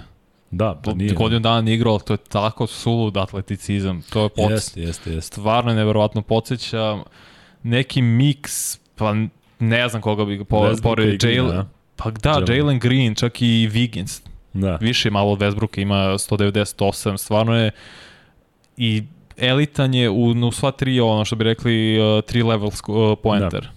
U reketu, mid range, za tri potencijal, ono, pre, ne do plafona, nego do neba, bukvalno do zvezda, ali sad kako će nije igrao godinu dana. A za koga je, uh, kome on trebalo bi da ide? Ne, pa, možda po nekom... Negde između 6 i 10. Da. Zavisi, mislim, ima tu još da. nekoliko, ima da ovaj Dyson Daniels koji igra u G koji je vrlo vjerojatno najbolji defanzivac tu. Da. Koji je isto 198, ali jeste ono pitbull. Da. Cepate svi ceo teren. Mislim, ima i lepo razigrava druge na poenta jeste kako će biti, kako će svoju ofenzivnu igru dalje da razvija. Benedikt Maturin sa Arizona, isto da. sličan tip igrača. Ali evo ti jedno ime, uh, Malaka i Brene sa da. Ohio State. Freshman, znači ima 19 godina, on može da bude neki miks Middleton samo sa odbranom, da igra i elitnu odbranu, možda da bude najkompletniji igrač na ovom draftu. On, on da. isto negde od 5. do 10. je tako? Pa on je to nešto 10 do 15, zavisi stvarno gde će pasti. da. Ima tu, ovaj draft je poprilično jak, stvarno Jest, ima da. dosta ozbiljnih i potencijala. E, šta misliš o ovom Washingtonu sa Kentucky, ovaj Titi, taj, taj, taj, da, taj, taj Washington? Ne znam da li je play ili back. Ne pa, da, ga da, je, da je više dvojka neka. Mm, ne znam, meni on nekako, ono što malo što sam gledao mi je ostavio dobar utisak. Tam podsjećam D'Angelo Russell malo. Jeste, jeste, jeste, malo ali da, D'Angelo Russell mi nije baš u nekom dobrom sećanju, mnogo više smo očekivali od njega. Isto. E, druga stvar, ajde što se tiče Jovića, vidim da, da, da, da ga, kao što i ti kažeš, negde od 20. do 25. mesta, ja bih zaista volao da bude recimo biran kao Vučević, tu negde oko 15. pozicije. Mislim da, da je ovo dobra prilika da se pokazuje u Americi, da ljudi sad sada njega vide kao, ne mogu da kažem novog Jokića, ali kao nekoga ko ima isto taj, isti taj background, tako da želimo mu da bude, da pre svega ode u dobru sredinu. Dakle, u suštini nije ni bitno koje je mesto sa kojeg će ga birati, ali što ti kažeš, zaista je malo, ne samo Evropljana, malo je e, stranih igrača na ovom draftu, Ja nemam neko objašnjenje, malo. tako da ovaj, vidit ćemo. Možda će uh, Oveć biti samo jedini taj, da kažem, internacionalni igrač koji će biti tako, draftovan. Da, vidio sam te Osmani Cenk iz, uh, on je sudarac. E, jeste i on, on e, iz, iz, što igra za New Zealand Breakers. Tako je, tako je, tako je. Njega smo ove sezone isto nešto prenosili, ali moram priznati da mi nije ostavio neki bog zna kakav utisak. Kako se, kako se zove? Usmani Dženk. Da, da, nije ostavio utisak. A što je najgore, gledao si ga kad si mene slušao pa si slao pa jesam, kao znam, vidi ovo, da. Australijanska liga. I stvarno nije, nije ostavio utisak, da, očigledno. E, Vanja, kad ćeš kod Brakusa i Banjca? Kad budem ustao dovoljno rano da dođem kod njih. Dobro. Ne, bukvalno drugo objašnjenje. E, pa i sad ovo. Odakle su? Tako I, je. Ajde. Idemo. Prnjavo, Republika Srpska. Mile Marinković, pozdravljamo Mile Marin, Mileta Marinković. Mile Marinković iz Prnjavora. Dobro. Ako ga vidi negde, ako uopšte živi tamo. Ali ajde sad ovo. Miloš Ćurovija iz Titela, Dušan Susak ili Šušak iz Prnjavora, Bogdan Mirković, danas vrlo aktivan Novi Sad, Pethor Užice, Mihajlo Radić, pozdrav iz Stepanovićeva, e, Nemanja Nedić Valjevo, Bogdan Opačić Bataja, e, Saša Marković Leskovac, Željko Marković, pozdrav iz Broda, Aleksandar Rnjak, Banatsko Novo selo, blizu Pančeva, ako je me lakše. Milenko Topić. Vuk iz Leposavića, lepo, baš lepo. E, Nenad Lekić, Sremska Mitrovica. Denis Mitov, pozdrav iz Dimitrovgrada. E, Miljan Pantić, Kragovac, Vladimir Milenković, Požarevac, Ognjena Divojević, Smederska Palanka, Vladimir Ikić, Dedinje, Desicokče, e, Luka Pupo, Lup Pupovac, Novi Banovci, Matex, Hamburg, opa bato, idemo. E, Young Wolf, Gračanica, Bosna i Hercegovina. Dobro, Mirko, PGD pozdrav ekipu, ja sam Crnogorac iz Soluna, ako ste u julu u CG, javite se, u suprotno vodim na piće u Solunu kad god vam drago, Kuzma the King. Eto sad idemo da napravimo ceo taj džir. U Solunu sam... Nek dođe smo... u Mandrać, kod Kotora, tamo sedim. Gde u? Mandrać. Mandrać, neka vrsta riba. Znaš šta je Mandrać? Pa Mandrać nešto naručiš u znaš ono, stranu. Znaš ono da zaštitiš, da se zaštiti brod, od, bro, čamac od, od vetra. Dobro. Pa od, izliveno je od kamena i onako je uvala mala. Ali baš se tako akcenta, Mandrać. Mandrać, mandrać da. dobro. E, Kanadjanin Houston, previše nisko će biti na draftu ozbiljan igrač. Ovo mislio da sam i da i dalje ovaj, e, pišu odakle su, ali dobro. da, Pa Najsig... Houston rekao da Naj, Houston. najsigurniji pik mislim da je ovaj što si spomenuo Keegan Murray. Da, Da. je on e, vrlo efikasan poenter, da može čuva više pozicija, da je sad spreman odmah da sutra igra u NBA-u i da je on, on je najsigurniji pik i mislim da će on imati vrlo lepu karijeru. Nešto Da. nalik Pascal Siakam u Jeremy da, vidio Grant. sam da ga porede sa njim, da. E, vidio si da Grant u Portlandu.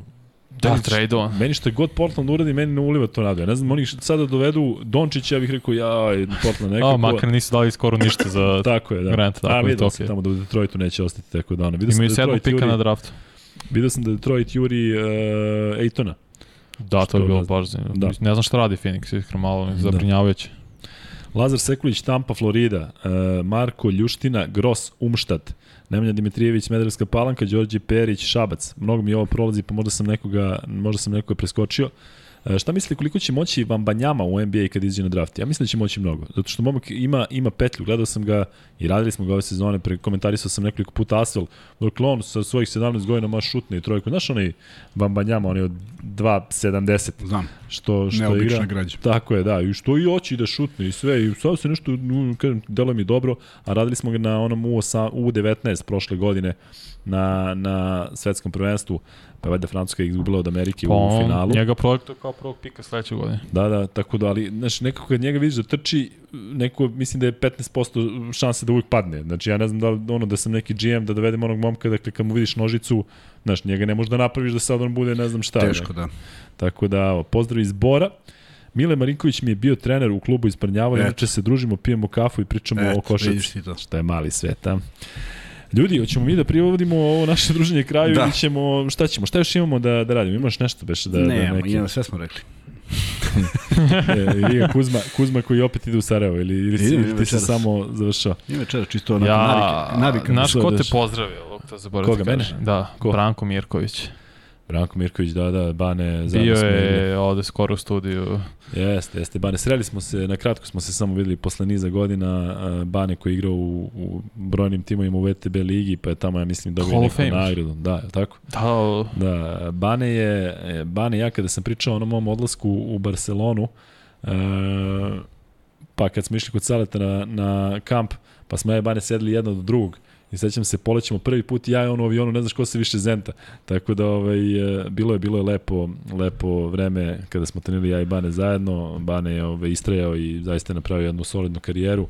Igrao je za te neke klubove poput Minska ili bio je jedno vreme, ja koliko znam, e, i u Makedoniji, i u Bugarskoj i nadam se da je, da je dobro naplatio. Znam da je sada otac da li valjda ima dvoje dece i um, srećemo se valjda u nekom trenutku pa ćemo, pa ćemo pričati. Veliki pozdrav za Baneta Mirkovića.